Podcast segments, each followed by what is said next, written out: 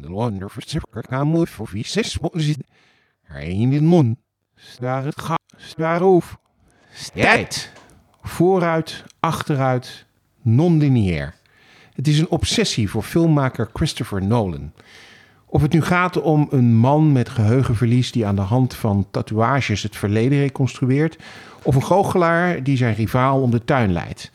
De hoofdpersonen in Nolans films hebben altijd een verrassend geheim dat de hele film als een soort zwaard van Damocles boven het verhaal hangt. Maar erg veel persoonlijkheid hebben ze niet. In zijn nieuwste film heeft de hoofdpersoon zelfs niet eens een naam. Deze aflevering gaat over Tenet. Mijn naam is Sidney Smeets en dit is Geek.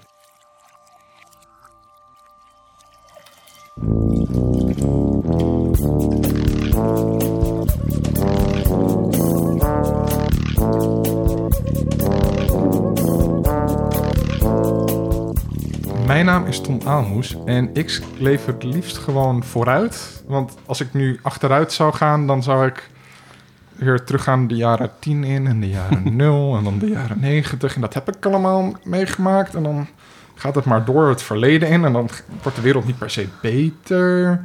Nee, ik zou gewoon, ik zou gewoon door willen gaan. Zelfs als de toekomst nu natuurlijk ook een beetje onzeker. Denk. Maar misschien Wat een eh, vooruitgangsgeloof. verhaal herzien. Maar eh, nou ja. Oké. Mijn naam is Lieven Heremans. En ik zou denk ik het liefst toch achteruit in de tijd willen leven. Want dan kan je chillen in, eh, in Twin Peaks. Dan kan je met iedereen achteruit praten. Ah, in de Black. Lodge. Ja. En dat is Dat toch wel de place to be Ja. in die serie. Hmm, jeetje, wat ingewikkeld. Mijn naam is eh, Linda Duitse en ik leef liever voorwaarts, want ik ben niet achterlijk. en ehm, eh, en, en ik, al mijn vrienden en zo, die leven ook allemaal voorwaarts. Dus het is wel zo gezellig als ik gewoon lekker meebeweeg met hun. Hmm. Nou, mijn naam is dus Sidney Smeets en ik denk dat ik ook wel achteruit zou willen leven.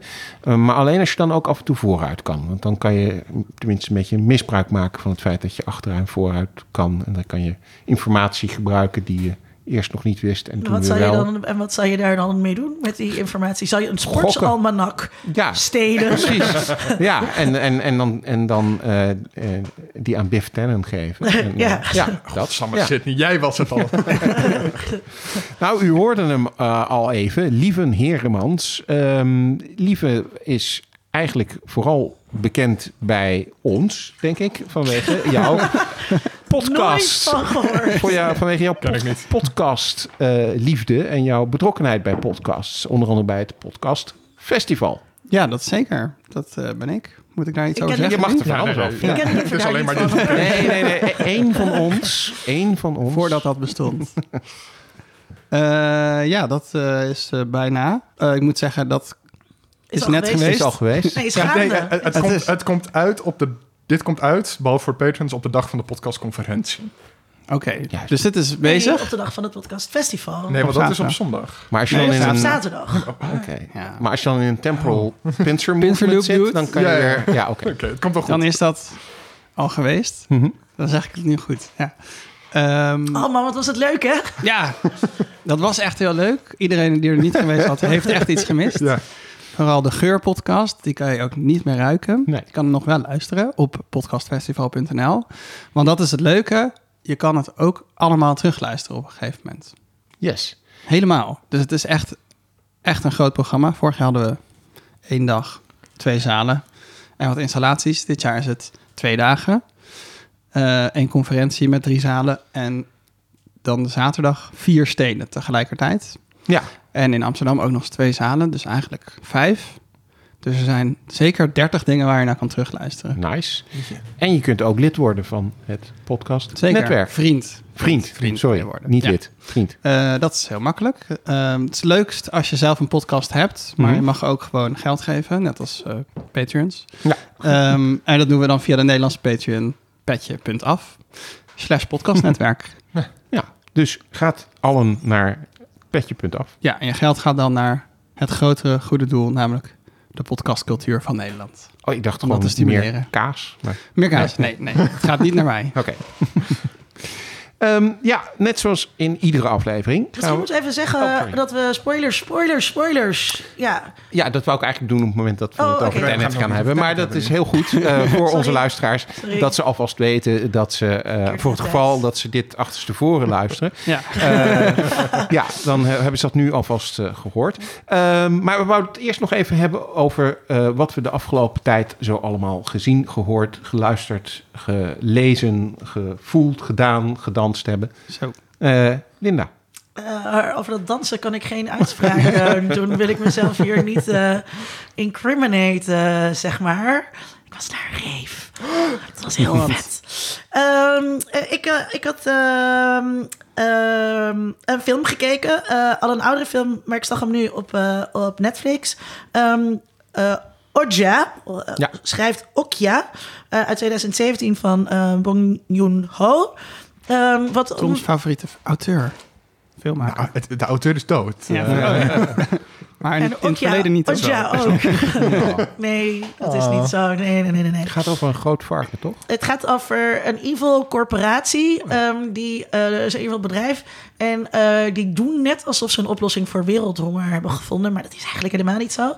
En eh, ze hebben dus reuzen, reuzenvarkens eh, eh, eh, bedacht. En eh, daar sturen ze dan tien van naar de tien beste boeren ter wereld. En eh, dan gaan ze tien jaar laten kijken hoe het er daarmee voor staat. En welke van de tien dan de, de prijs wint voor het beste reuzenvarken.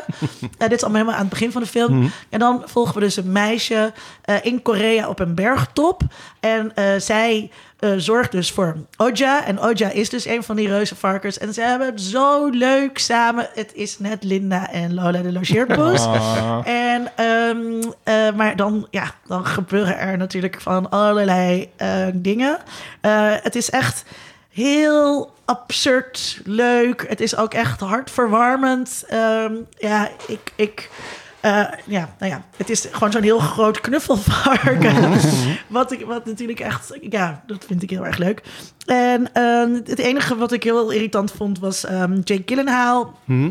Heb jij hem gezien hij is vet leuk. Nee, hij speelt een soort eh, eh, televisiepersoonlijkheid. Ik vond hem een beetje irritant. Oh. Had je dat niet, Tom? Nee, echt totaal Dat niet. vermoeiend vond ik hem ook. Oh nee, ik, ik, ik kan daar wel mee. Ik, ik, ik, gewoon, hoe, hoe meer over de topkarakters Jake Gyllenhaal speelt, hoe blijer ik ben in een film. Ja, ja. En op zich eh, vind ik eh, over de top karakters ook wel heel leuk. En hoe heet zij nou die erin speelt? Ehm, Tilda? Ja, Ja. Tilda. Swinton. die, is, die is natuurlijk ook heel leuk. Ehm, eh, want dat is een heel leuk iemand. Oké, eh, dus dat was een aanrader. Dan heb ik ook een afrader. Damn honey no. Iets dat, ik, dat, iets dat ik heb gekeken, zodat onze luisteraars dat niet hoeven te doen. Ehm, Away, Ja. een nieuwe serie op ehm, Netflix.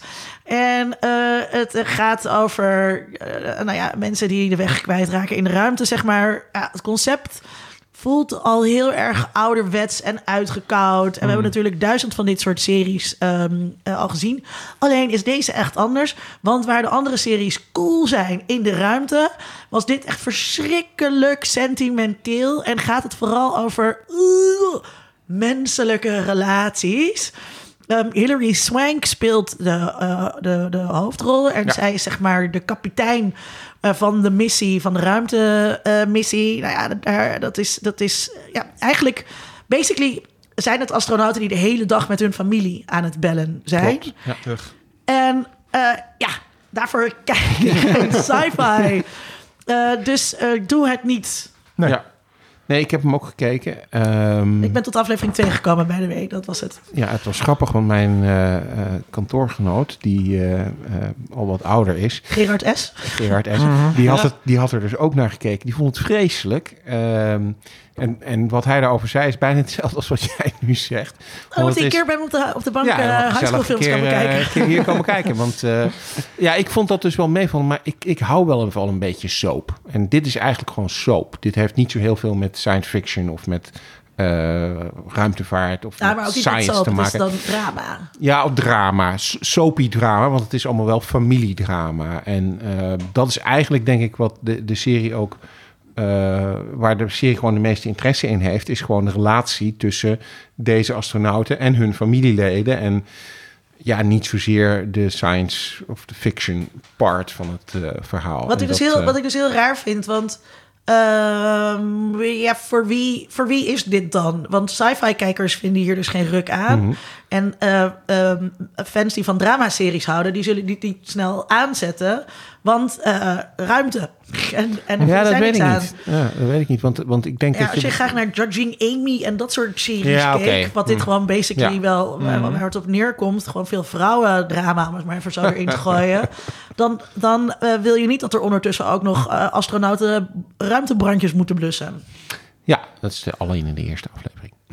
Ja, maar, dat is, ja, maar, dat, maar, maar daar moet je dus wel, wel Daar moet je wel doorheen, Dat, volgens, Ja. dus volgens mij gaat dit, eh, gaat dit gigantisch. eh, Ik ga er Kloppen. niet naar kijken. Kloppen. Oké. Nee, je moet, er, je, moet er niet, je moet er gewoon niet naar kijken. Nee, nee, mag niet. Oh, Eh, nou, kijk. ja, het mag wel, maar oh. dan heb je gewoon een kuttijd. Ja, Daar kan ik er ook niks meer aan doen. nee, Zelf dat is je weten. eigen schuld. ja. Eh, lieve, wat heb jij gekeken, gehoord? Eh, ik ben nog niet helemaal klaar met, maar ik ben wel enthousiast over I May Destroy You. Oh ja, daar ben ik ook eh, serie. gisteren aan begonnen. Ja. Een nieuwe serie van HBO. Eh, heel verfrissend, want het speelt zich een keer niet in Amerika af. Wat? Dat is heel gek, maar er wonen ook mensen in Londen. En mensen van kleur spelen de Mhm. hoofdrol. Eh, het gaat ook over queerness, komt er ook heel veel in voor. En het gaat voornamelijk over seksueel misbruik. en de lijntjes die daar tussen zitten. En het gaat ook heel, heel krachtige vrouwen. Ja. Ik vind het wel vet. Het gaat ook heel erg over eh, jong zijn, Mhm. denk ik. Ja, ik moet niet te veel spoilen ook. Nou, een beetje mag wel. Nou, nou ja, maar het was ook heel goed doen. Is, eh, soms pak ze een aflevering helemaal terug naar de jaren 90 en dan zie je helemaal sms'jes uit de jaren 90. Dan denk je, oh ja, deze serie is ook voor mij gemaakt. Ja. Ehm, dus dat, daar ben ik enthousiast over. Maar ik moet nog een paar afleveringen. Ja, wat ik, wat, ik heb het ook gekeken en eh, wat, wat mij in ieder geval de eerste aflevering heel erg opviel, was dat ze met heel weinig een heel eh, herkenbaar beeld van Londen neer, Ja, neerzetten. Je klopt. voelt, je, het voelt niet als een soort glamour Londen, het voelt gewoon zoals Londen inderdaad ook is. Eh, ja, hoofdpersoon heeft een huisgenoot. ja. Precies. En eh, ja, Ja. Hoofdpersoon heeft niet een hele grote etage ja, ja. midden in het Sarah. Jessica Parker zit de hele tijd uit de raam te staren met haar MacBook. Ja, dat Nee. kunnen New Yorkers niet meer. nee, dus dat, was, dat vond ik ook. Heb je nog wat anders gekeken? Of Ik moet daar zeggen, ik, ik, hij staat bij mij op de lijst vanwege ehm ehm eh, Michaela Cowell, die Mhm. het ook geschreven heeft volgens mij. Ja. En eh, zij is ook van de superleuke serie Chewing Gum. Die heb ik nog niet gezien. Ook op Netflix. Voor. Ooit, op. Netflix. Ooit op Netflix in ieder geval. Ja, nog meer. Ja, ik wil eigenlijk deze film niet afvallen, want Jelke, een van mijn beste vrienden, is heel enthousiast over het boek. Die. Eh, A- Marlien Alexanderplatz. Ja, Hebben we het daar al over gehad? hebben we het nog niet over gehad. Nee. Ja, het is op zich wel een heel intense film. Maar dit is zo'n film waarvan je dan denkt... het laatste half uur was eigenlijk niet nodig. Hm. Eh, en het gaat... Ja, het is een her, moderne interpretatie van een heel boek uit de jaren 30, Duits boek. Eh, en, maar dat heeft dan eigenlijk best wel veel elementen van wat I May Destroy You ook heeft. Namelijk een beetje feestachtige omgeving. Alleen dan nu met meer geweld en drugshandel. Feestachtige. Feestachtige omgeving, dus dat mensen Oh, Armin feesten in is beeld. ook- is ook, zijn ze ook aan het feesten? Eh, Ja, er wordt wel eens, het zijn Feesten in huisfeestjes. Berlijn. Ja. Oh. En dan eh Berlin- Berlin-Alexanderplatz. Maar het leuke is dat het op plekken speelt waar ik dan ook eh, bijvoorbeeld heel erg in de buurt heb gewoond. Ja, dat is al mediatoerisme een soort van. Andersom, mediatourism. Ja, ja, ik ben nog even niet... Ik, misschien moet ik nu het boek gaan lezen, andersom. Mhm. eh, om te kijken wat ik vond van de film. Spannend, oké. Zelf heb ik gekeken voordat ik Tom het woord geef. ja, eh, ja, hij, zat hij zat er zo helemaal zo op te wachten. Ja, ja, ja, maar ik dacht anders dan is het zo, dan ga ik iedere keer als laatste. En dan, denkt de kijker ook, of de luisteraar ook, eh, die zit niet eens altijd maar als laatste aan de Nee, degene die presenteert is als laatste. Oké, nou, oké, Tom, ga je gang, ga je gang. Nee, nee, nee. Nou, mag Nee, je wel, nou naar u. Oké, ehm, ik heb eh, zelf, eh, dat is eigenlijk een ding waar ik vorige aflevering naar terug wilde blikken, maar toen was ik alweer vergeten. Want ik heb dit halverwege de zomer eh, gespeeld. Ehm, Hellblade Senua's Sacrifice. Eh, en dat klinkt heel heftig en metal. Ja, Ehm, Klinkt heel ontommerig. ja, ehm, maar de naam bedriegt een beetje. Het gaat over een Pictisch meisje ergens in de zevende of achtste of negende eeuw.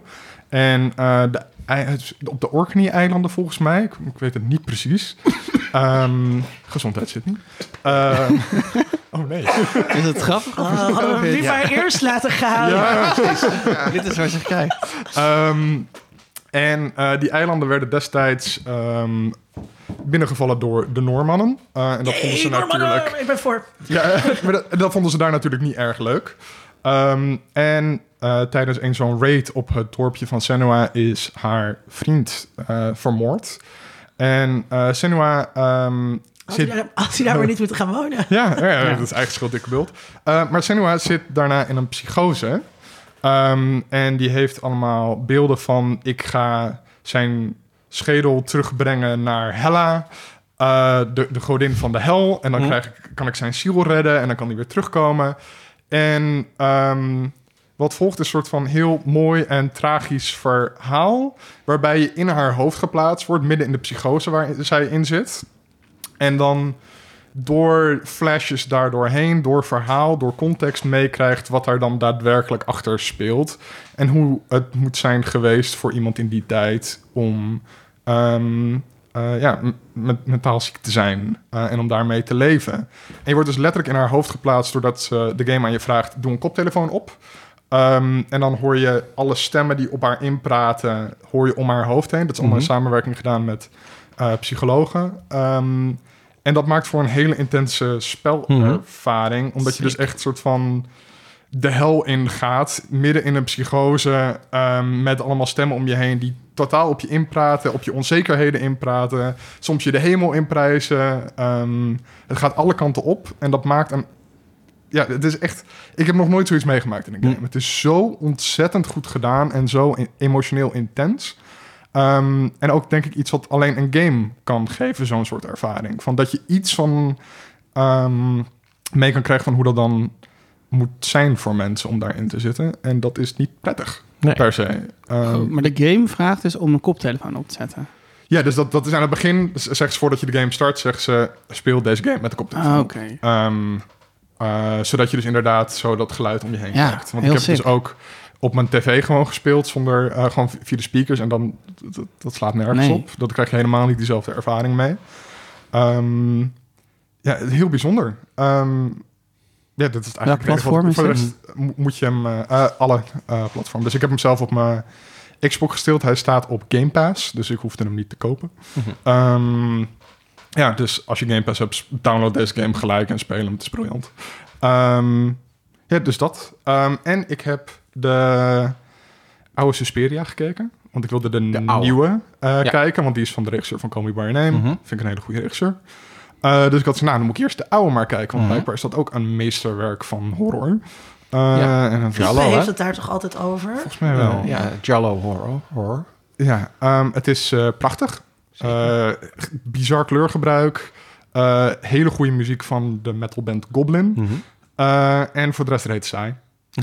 het is echt... eh, het duurt maar en het duurt maar. En ze doen allemaal domme dingen. En, eh, Niet eng. Het is niet per se eng. Het is meer een beetje oudbollig.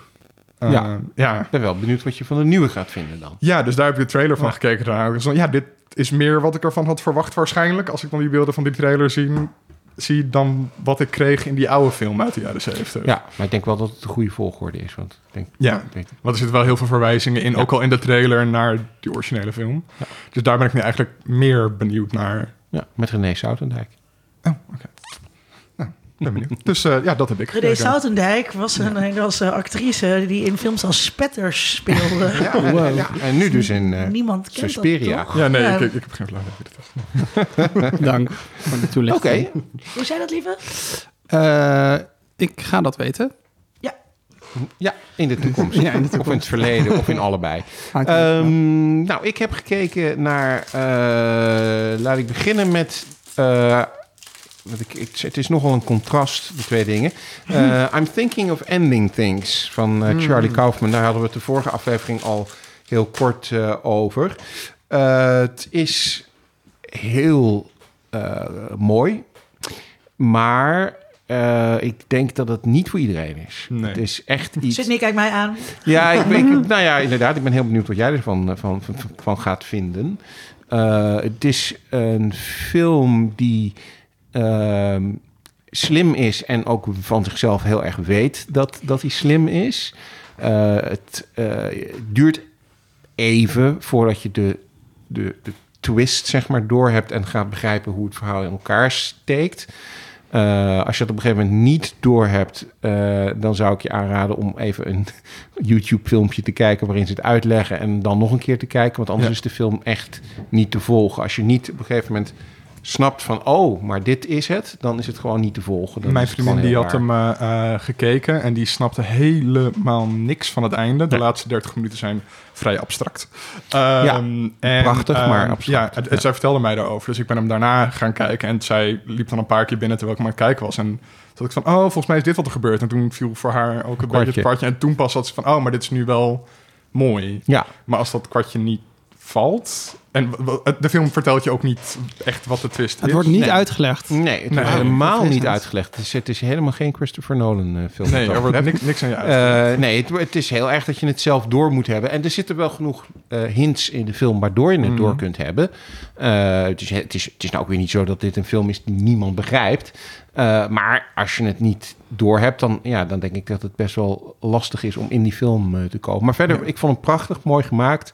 Ehm, en een aanrader gewoon om, eh, om hem toch een keer eh, te kijken. Hij staat op Netflix Ja. voor niks van meneer Kaufman. Dus Je hoeft hem Nee, niet extra te Je betalen. moet, hoeft er niet extra. je Het is moet geen wel een. Netflix-abonnement hebben. Ja, dat is waar. Maar je hoeft er geen Mulan Maar die kan je sowieso achter, wel eh, lenen van ja. een vriend Ja, of vriendin. Volgens mij heb ik jouw login nog gewoon hoor. Kijk, dat nog. Wat je? Ja. Nee, dat eh, doen we buiten de uitzending. Ehm, en het tweede wat ik gekeken heb, ook op Netflix, maar dat contrast is inderdaad wel heel erg groot, is de, het eh, tweeluik van eh McGee, de meesterregisseur die iedereen wel kent, denk ik.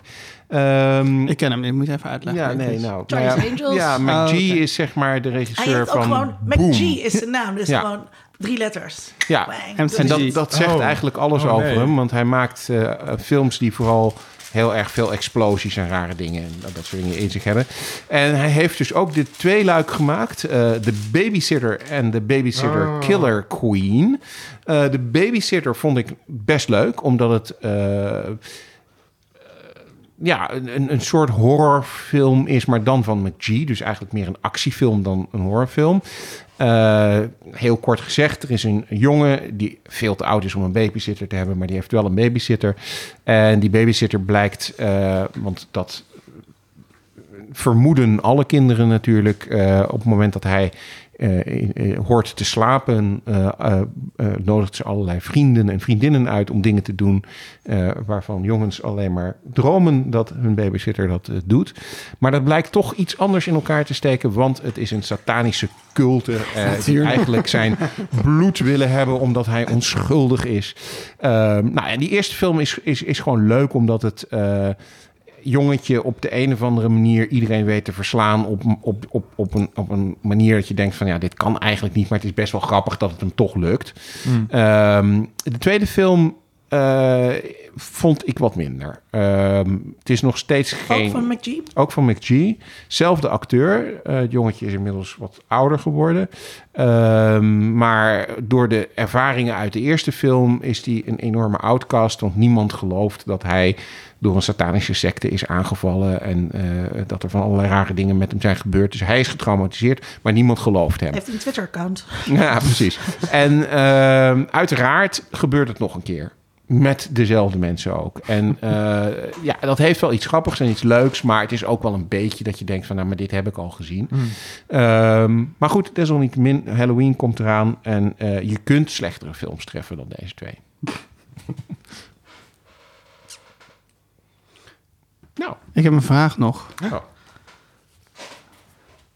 Hoe erg vinden jullie dat zomerpromenade is afgelopen? Oh, dat is echt verschrikkelijk. Ja, maar... ik, eh, dit het is een- laat me een beetje koud. Wat? Wat? Ja, ik, eh, ik volg het ook niet. Nee. Nee, ik, ik heb één aflevering gekeken en ik vond het eh, een beetje flauw. Dus ik heb het afgezet. Oh mijn god. Tom. Ja.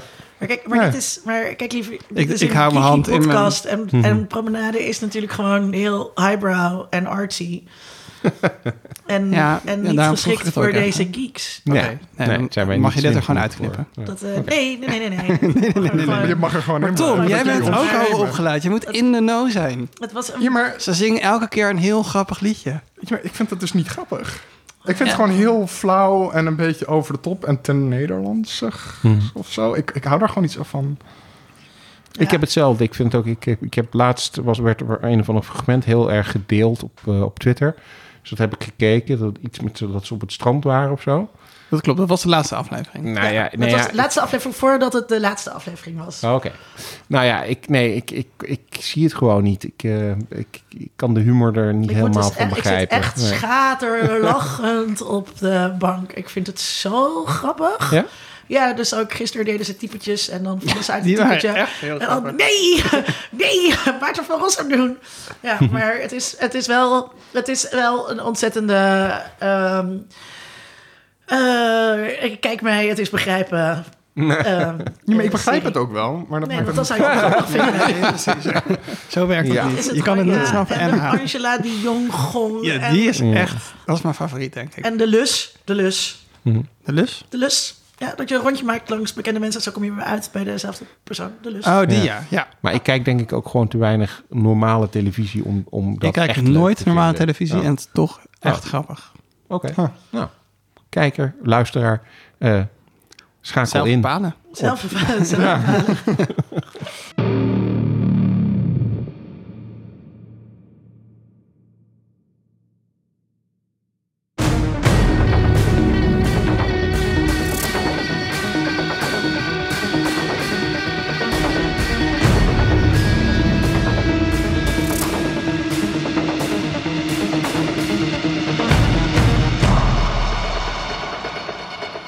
Tenet.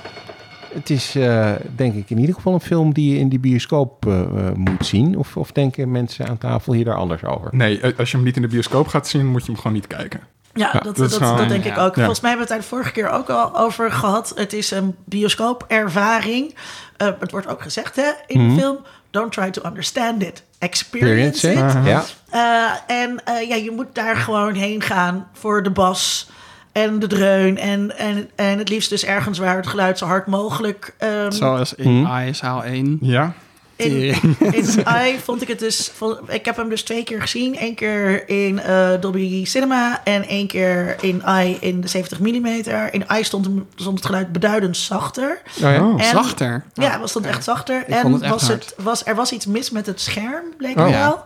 Ehm, waardoor, ja, of de, het leek een beetje alsof de projector een beetje stond te wiebelen. Had ik, had ik ook op een Ja. gegeven moment eh, tijdens die scène dat ze dan op zee zijn tussen die windmolens. Daar had ik dan bij allebei de keren dat ik gegaan ben, dat er iets van een hapertje was. Maar de rest van de film ah, ja. ehm, ben ik niet, daar heb ik daar niet echt last van gehad. Dus dat, dat probleem was er niet in de, in de Dolby Cinema. Er was het echt, echt eh, keihard. En ehm, ja, wat, wat, wat mij betreft, je, je gaat deze film niet kijken voor het plot of zo. Het is wel de totaalervaring van geluid en beeld Mhm. en ehm, eh, alle- alles wat... Je, je moet overdonderd worden. Ja, je, moet, je moet geen seconde de tijd hebben om na te denken. Ja. Precies, ja. Want waar heb je hem gezien? Eh, ik heb hem dus twee keer eh 70 mm in eye gezien. Oké, ja. Ja. Ik heb hem gezien één keer in een eh, hele normale bioscoop eh, eh, eh, hier op het Leidseplein. En één In de uitkijk? Ja. Nee, nee, nee, nee. Want ik In ken de iemand die in de uitkijk Ja, ging dat is, eh, dat is eh, geen aanrader om in, een, om, in een, om in een normale zaal te gaan. Maar wat moet, er eh, hij gewoon. In City, inderdaad. Eh, en ik had eigenlijk verwacht dat dat eh, iets meer ervaring zou zijn dan het was. En daarna ben ik hem in IMAX gaan eh, kijken. eh, zoals bekend. IMAX 3D. Nee, nee, nee. Het is niet Gewoon de nee, het is grote. geen Oké, alleen dat is wel- Nolan chillen. doet niet aan 3D. Nee, heel goed, eh, oké. eh, Nolan doet wel heel erg aan IMAX. Eh, eh, sinds zijn Batman-films doet hij dat al. En eh, sommige films hebben meer IMAX dan andere. Maar eh, bijvoorbeeld Dunkirk was bijna helemaal op IMAX geschoten. En hier zitten ook gewoon scènes bij die, die in IMAX eh, zijn geschoten. En dus op zo'n heel groot scherm nog groter worden. En het geluid in IMAX is natuurlijk ook heel hard. En dan is het echt wel een beduidend betere ervaring ook, vond ik. Ja, en, het, Ja. en het, ik denk dus, ehm, want, want volgens mij hebben we het daar vorige keer ook al over gehad, dat deze film de eerste blockbuster is en dus ook eh, de mensen weer een beetje terug naar de bioscoop Ja. moet laten gaan. Toen ik in, eh, in, dus, in eh, Pathé was, toen kreeg ik ook zo'n reclamefilmpje met iets van, kom terug naar de, please, kom terug naar de bioscoop. En ehm, ik denk dat dit daar onwijs een geschikte film eh, voor is. Dat dit nou echt, echt de toegevoegde waarde heeft van al die geluidssystemen. En, de, en, en gewoon met elkaar in een zaal zitten. Eh, en gedwongen worden om niet bij je telefoon te pakken. En gewoon naar het beeld te kijken en je onder te dompelen. Het is een immersieve ervaring. Wat? Kan je daar misschien iets meer over zeggen, lieve? Nee, nee, nee. Ik heb dat, het, mijn scriptje opgeschreven, dus het ligt nu ergens in de prullenbak. Vertel, wat is een immersieve ervaring? Ja, onderdompelend. Eh, dus het is wat VR altijd wil, dat je zeg maar je daar aanwezig voelt. En de vraag is natuurlijk, kan je dat bewerkstelligen door zo'n bril op je hoofd te zetten? Eh, of werkt het beter in de film? Ik, de eerste keer dat ik Inception keek, was in IMAX, in de Mhm. Arena. Of bij Pathé Arena. En toen dat scherm, dat het zo dubbel klapt, ja, toen zat ik wel zo, holy shit. Maar toen hadden we ook een 2 liter fles gin tonic meegenomen. Het kan ook daaraan liggen. Ja. Ehm, maar ja, inderdaad dat je het gevoel hebt dat je aanwezig bent. Maar ben je aanwezig in deze film of word je gewoon echt in een soort achtbaantje gegooid? Hm. Waar je natuurlijk ook heel erg aanwezig bent als je in de Efteling zit. Ja, maar Ja. eh, ben je dan niet aanwezig als een, een film je gewoon meetrekt? Eh, ja, maar is het, en is het dan intellectueel aanwezig of ben je echt fysiek aanwezig? Hmm. Je bent niet intellectueel aanwezig in Tenet. Seconde dat dat je dat niet, doet, hè? dan, Nee. eh, dan, dan, dan gaat het fout. Eh, Maar, maar het feit dat wij hem allemaal twee keer hebben gezien, zegt natuurlijk wel iets. Precies. Nou, ja. Maar dat zegt dus ook iets misschien wel over hoe gedepriveerd we zijn geweest van bioscoopervaringen. Ook dat. Ja. nou, ik ben Ehm, echt een paar afgelopen maanden best wel naar de bioscoop geweest. Ja, maar dat waren dan gewoon van die, van die kutfilms. En die romantische comedies. van die arthouse shit. Oeh, trouwens daarover. Ik was naar ehm, eh, Baby Teeth in FC Hyena. In de zaal naast Tenet. Oh, Ehm, Baby Teeth heeft hele zachte klassieke muziek. Ja. Ehm, die kon ik niet vaak horen. Nee, nee, nee. nee, Dat is nee. echt eh, eh, slechte timing. Dat, eh, dat, dat dreunt overal doorheen. Dus als je in een kleinere bioscoop bent waar de isolatie wat minder is... check eerst even of Tenet in de zaal naast je draait. Ja. Maar, Maar- maar, dus, maar ja, want daarom, ik, ik, ik ga dan... Ik ga, ik kijk sowieso helemaal niet graag naar arthouse films. Maar om daarvoor naar de bioscoop te gaan... dat vind ik dan vaak een beetje een soort zonde. Want dan zit je in Cinecenter... met zo'n schermpje te kijken... dat net een klein beetje groter is dan mijn tv. Ja, Weet hier wel? zaal 4. En daar, daar, daar hoef je het dan niet voor te doen. En dat is bij dit, dit is wel echt zo. En ik vond dit dus heel erg eh, zintuigelijk. vooral, vooral de eerste keer. Ehm, maar ook de tweede keer. En de eerste keer zat echt de stoelen trilden. Gewoon. ik, dacht, ik dacht, wat zitten die jongens achter me nou tegen de stoel aan te schoppen? Maar dat was niet. Het was, het was gewoon dit. En dus ook... eh, dus het speelt op al je, of niet op al je zintuigen, maar wel op veel van je, van je zintuigen. En inderdaad niet, het is niet intellectueel, ehm, die, die immersieve Ja. ervaring. Maar dat is dus geen... Ik weet ook niet wat een intellectuele immersieve ervaring is. Ja, daar kunnen we nog wel een heel podcastfestival over eh, organiseren, denk ik. Oké. Maar het is dus geen eh, gemis bij deze film dat het, dat het eh, intellectueel misschien af en toe een, een, een beetje, nou ja, wat mist. Wat mist? Ik zat de hele tijd wel na te denken, toch? Ja, oké. Want je was hele Bedoel je nu dat het niet is als promenade? Nee, maar je zit, wel, ik, je zit wel na te denken, want je wil, het, het plot is best ingewikkeld. Mhm. Dus dat, dat, daar ben je wel de hele tijd mee over na te denken. En Maar het gaat heel snel. Het er gaat heel gebeurt snel. van alles de hele tijd. Je krijgt ook heel weinig tijd om Ja, na te denken. klopt. Maar dat, het- dat is anders dan bijvoorbeeld iets als Primer, Ja. waarbij ik echt zit te puzzelen van... Oké, maar, maar even echt, hoe zit dit nu? Ja. Ehm, met Nolan is toch wel, het wordt toch net genoeg aan je uitgelegd dat je, zelfs al stap je het maar half, dat je dan Mhm. nog wel weer mee kan in de achtbaan. eh. Ja. Ik begreep dus ook de eerste keer minder dan de tweede keer. Mhm. Ehm, bij de eerste, eh, de eerste zitting, zeg maar. eh, toen, ik had, eh, dat, en ik had, al van, ik had al gehoord dat dat een beetje zo zou zijn. Dus ik had ook me bedacht, oké, dat ga ik ook helemaal niet erg vinden. En ik ga er, ik ga er gewoon in mee. Ehm, en ik hoorde van eh, Sonny, Sonny Kemkes, vriend van de show... ehm, dat hij eh, dus heel erg vast aan het houden was... dat hij het allemaal wilde begrijpen. En daardoor kon hij dus ook minder genieten Ja. van, eh, van die vaart, zeg maar. Die vaart der dingen. Dus soms moet je dat ook een beetje los kunnen laten. En de twee, bij de tweede keer, toen begreep ik die tangbeweging bijvoorbeeld beter... En ehm, dat, dat ze zeg maar, dat, je, dat als je erin loopt, dat je jezelf eruit moet zien lopen. Dus dat het dan twee, twee keer dezelfde persoon is, zeg maar. Eh, dat had ik gewoon bij die tweede screening beter door. Al is dat niet per se. Ik bedoel, je hoeft er niet naartoe te gaan om een film beter te begrijpen Nee. of zo. Want ik denk niet dat de point van dit verhaal is dat je de natuurkunde erachter snapt. Snapt. Nee. Ja, je moet een beetje een idee hebben. En voor de rest, hè, zoals Janeway eh, in Voyager altijd zei... Hè, als je tijdreizen wil begrijpen, dan krijg je alleen maar hoofdpijn van. Dat moet je ook gewoon niet willen. Eh, dus dat moet je ook gewoon niet willen, denk ik. Maar ik had wel dat ik sommige plotpunten, die toch me vrij belangrijk leken, pas bij de tweede keer kijken snapte. Dus aan het einde eh, in Rusland, als we dan bij stal 12 zijn, dan gaat het om het algoritme. Mhm. En ehm, als Kenneth Branagh doodgaat, dan gaat die bom af en die begraaft het algoritme. Mhm. En ik dacht in de eerste viewing, dan gaat er iets af waardoor het algoritme in werking gaat. En dan wordt de tijd omgekeerd. En als de tijd omgekeerd wordt, dan is dat catastrofaal voor iedereen, want redenen. Ehm, en pas later snapte ik, nee, wat er gebeurt is dat het algoritme gesealed wordt, zodat de toekomst het kan vinden, zodat ze in de toekomst de tijd om kunnen draaien en de oorlog met het heden kunnen beginnen. Ja. Dat snapte ik helemaal niet tijdens mijn eerste viewing. Maar dat je dat niet begreep, heeft dat afbreuk gedaan aan jouw eh, waardering van de film toen je de eerste keer keek? Nee, maar ik vind het toch ergens wel slordig dat dat gewoon dat is best dat, dat, dat belangrijk. wordt niet uitgelegd. Ja, er- er- gewoon hoeveel er ook uitgelegd wordt. Dat heeft dat bepaalde essentiële plotpunten gewoon zitten van... Ja, iets met het einde van de wereld. maar- Hmm. Maar en, en eh, de, de rol van Neil, had je, had je dat eh, de eerste keer door, hoe dat zat? Nee, maar ik, ik vond het de tweede keer wel leuk om dan dat te herkennen. Dus ook dat Neil dan op een gegeven moment zegt van...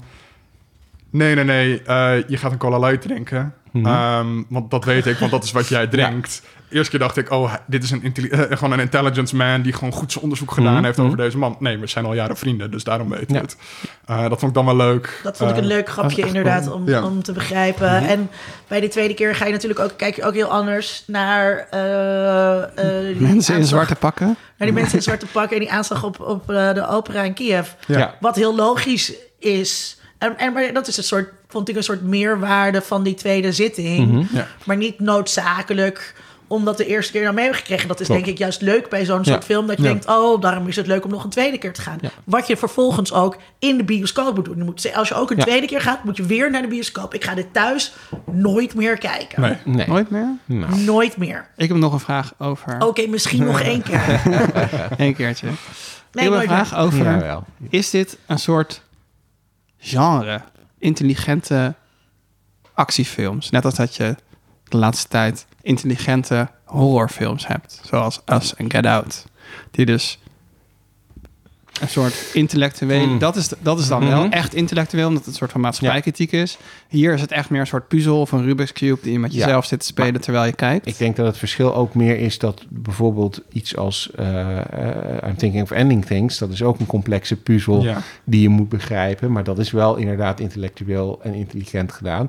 Terwijl het bij de films... want dat, dat, dat, dat gaat over thema's en over Ja. diepe psychologische dingen. Ja. Bij, bij een Nolan-film gaat het daar absoluut Nou ja, dat om. is denk ik het probleem. Of nou, probleem, dat hoeft ook helemaal niet een probleem te zijn, want het kan ook gewoon leuk zijn. Maar hè, want, en wat, ik- wat ik zelf wel eens heb gezegd, dat zeg ik nu dus, eh, is dat voor mij heeft het heel veel weg van eh, de boeken van Dan Brown. Die zijn heel slecht geschreven, Hmm. maar ze zijn wel heel leuk om te lezen, omdat ze gewoon ja, heel erg inspelen op dat oplossen van puzzels en bepaalde informatie die, die je misschien eigenlijk wel wist, maar ook een be- beetje vergeten was. Ehm, en, en zo zijn die Nolan-films ook. Van ja, als je het heel erg gaat analyseren, dan denk ik dat je, dat je bij al die films wel dingen kunt opmerken waarvan je denkt, nou, ja, dat klopt eigenlijk niet. Of, of, of, Ik- ik of denk- zit hier nou een diepere betekenis achter? Of poneer je alleen maar een soort filosofisch ding omdat het een filosofisch ding moet zijn? Ja, het is- het is, eh, dus volgens mij, ehm, eh, eh, ja, het, raakt, het raakt een beetje, of tenminste met Inception ook, aan, eh, aan, eh, aan de, grenzen van de werkelijkheid of natuurkunde, Mhm. zeg maar. Volgens mij is het meer natuur, is het meer spelen met natuurkunde dan Ja. met filosofie. En ehm, Dan Brown is echt met van die, van die obvious, ostentatieve symboliek, zeg maar, en verwijzingen.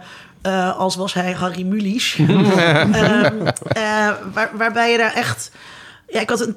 Ik had, toen ik aan het promoveren was op de Unie, zo'n kantoorgenoot die dus inderdaad dan heel erg naar dollarbiljetten ging kijken en er echt in geloofde. Oh, nee. Ja, dat er, ja. En die dat dan helemaal, die daar echt een soort boodschap ehm, in zag. Maar dan is het niet meer leuk. Dan is het... eh, Ehm, en dat, dat, is, dat wordt dan een beetje sneu ook. Zeker als je een PhD aan het doen bent. ja.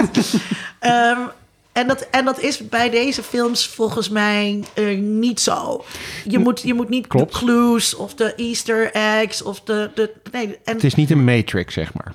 en nee, nou ja... Nou ja, maar dus- hier zit er ook superveel in, toch? Wat zeg je? Er zit er echt heel veel in.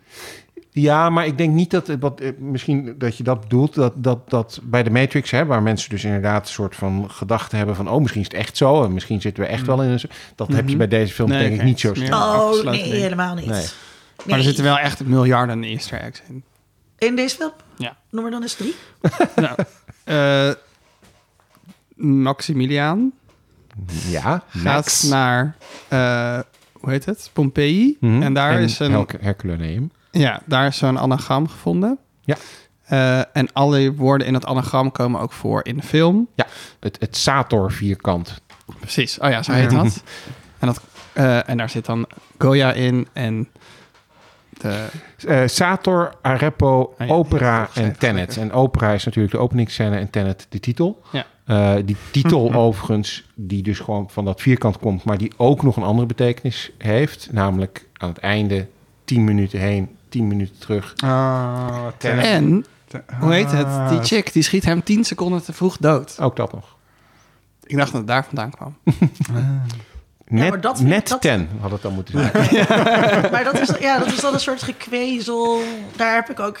daar- Dat heeft ook mijn interesse helemaal... Ja, en ik, ik, ik denk dat met Nolan films het wel heel erg... wat dan vergelijkbaar is met Dan Brown. eh, dat, dat Dan Brown fans, of ze nou geloven of niet... vinden het leuk om dan daar helemaal doorheen te pluizen... en er sport van maken om dus al dit soort dingetjes eruit te halen. En dat is ook echt bij Nolan films eh, ook zo. Dus daarom is hij ook zo geliefd onder zo'n bepaalde filmfans... eh, die dus zitten van... ja, maar als je Inception echt goed bekijkt... dan zit daarin en daar, is daar is weer iets... Ehm, en ja, er zitten zoveel Joker-verwijzingen al in de vorige Batman-film, weet ik veel wat. Ehm, omdat het, het dus inderdaad van dat soort puzzeltjes zijn. En het is superleuk om daar gewoon een beetje mee te tinkeren. Ja, het is Ehm, heel erg, dat, dat klopt. En, en het zit bijvoorbeeld ook heel erg in de prestige. mm. Eh, dat is een van zijn minder Nolan-achtige films eigenlijk. Hè. Dat is meer het, het- begin van, van, van het maken van dit soort films.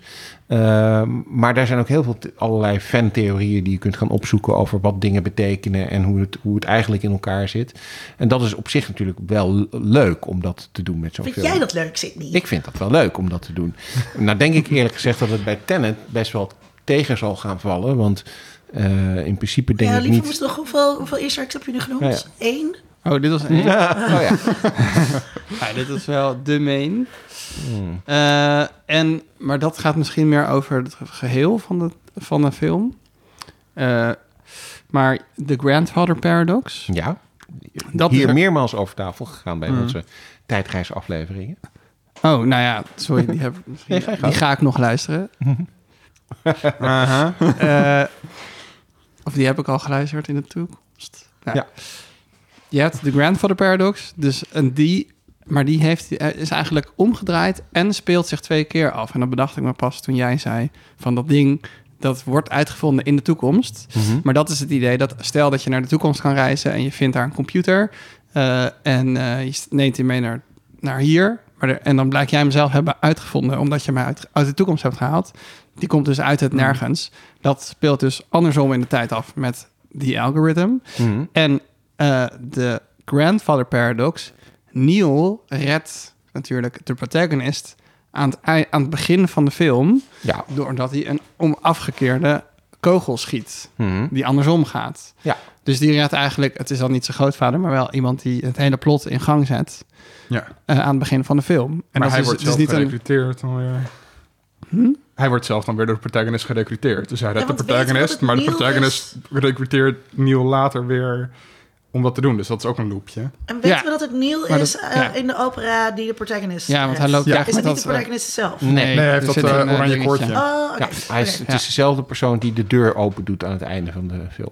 En, eh, en de theorie die er ook over gaat, is dat hij eigenlijk Max is. Ja. Die vind ik wel leuk. Ja. Veel mensen haten het. Hoorde Ja, ik op het maar- internet. Maar Max wat, is de wat, zoon wat van, voegt toe? Eh, nou ja, het idee is dus dat ehm, hij in contact is gekomen met de protagonist op dat moment via zijn moeder. Dus dat je eigenlijk het begin van hun relatie ziet eh, aan het einde van de film. Mhm. En het einde van hun relatie ziet aan het einde van de film. En dus eigenlijk het begin en het einde tegelijk zich afspeelt. Oké. Ja. Mind is blown. Nee. Ja, nee, ik, ik voel deze niet echt. eh. Ja, ik, ik weet niet zo goed wat het toe zou voegen verder aan de film. Want ja, dan is dat... Ja, oké. Nee, Ja. en, en we moeten het sowieso even hebben over Max en Cat. Eh, And my son! en eh, wat, eh, wat deze mensen in godsnaam in deze film doen. Want, Maar want gaat dat niet voor alle mensen in deze film? nee, dat, dat, ik, ik, ik vond het heel fijn ehm, dat eh, de protagonist er was en dat Neil er is. En eh, ik vond ook Kenneth Branagh een heerlijke Mhm, slechterik. zeker. Al kan het natuurlijk echt niet. Ik vond het Echt, echt gênant Echt soms. niet met dat Russisch accent. En dat is een bam. Dat is een bam. I love you. I love you.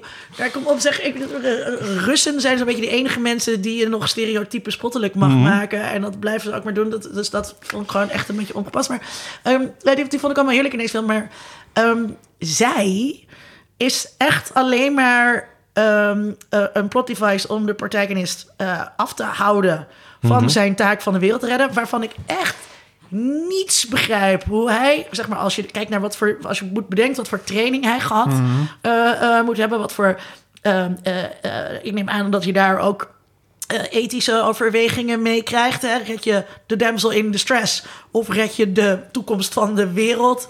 Dan red je de toekomst van de wereld volgens mij en niet de damsel in distress met wie je niks hebt. Gewoon een totale gebrek aan chemie tussen de protagonist en Cat maakte voor mij de film totaal ongeloofwaardig. Maar En dan ook nog eens, en dan, dus dat is, zij is al dus ontzettend vervelend dat mensen dingen voor haar doen. Terwijl ze gewoon niet een aantrekkelijk personage is of niemand echt eh geëngageerd is met dat personage.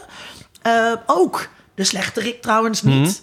Dat, is, dat, is, dat is ook totaal onduidelijk waarom hij... can't have you, Waarom, weet je wel? Ik bedoel, het is gewoon een skinny bitch die nauwelijks kan lopen op die hakken.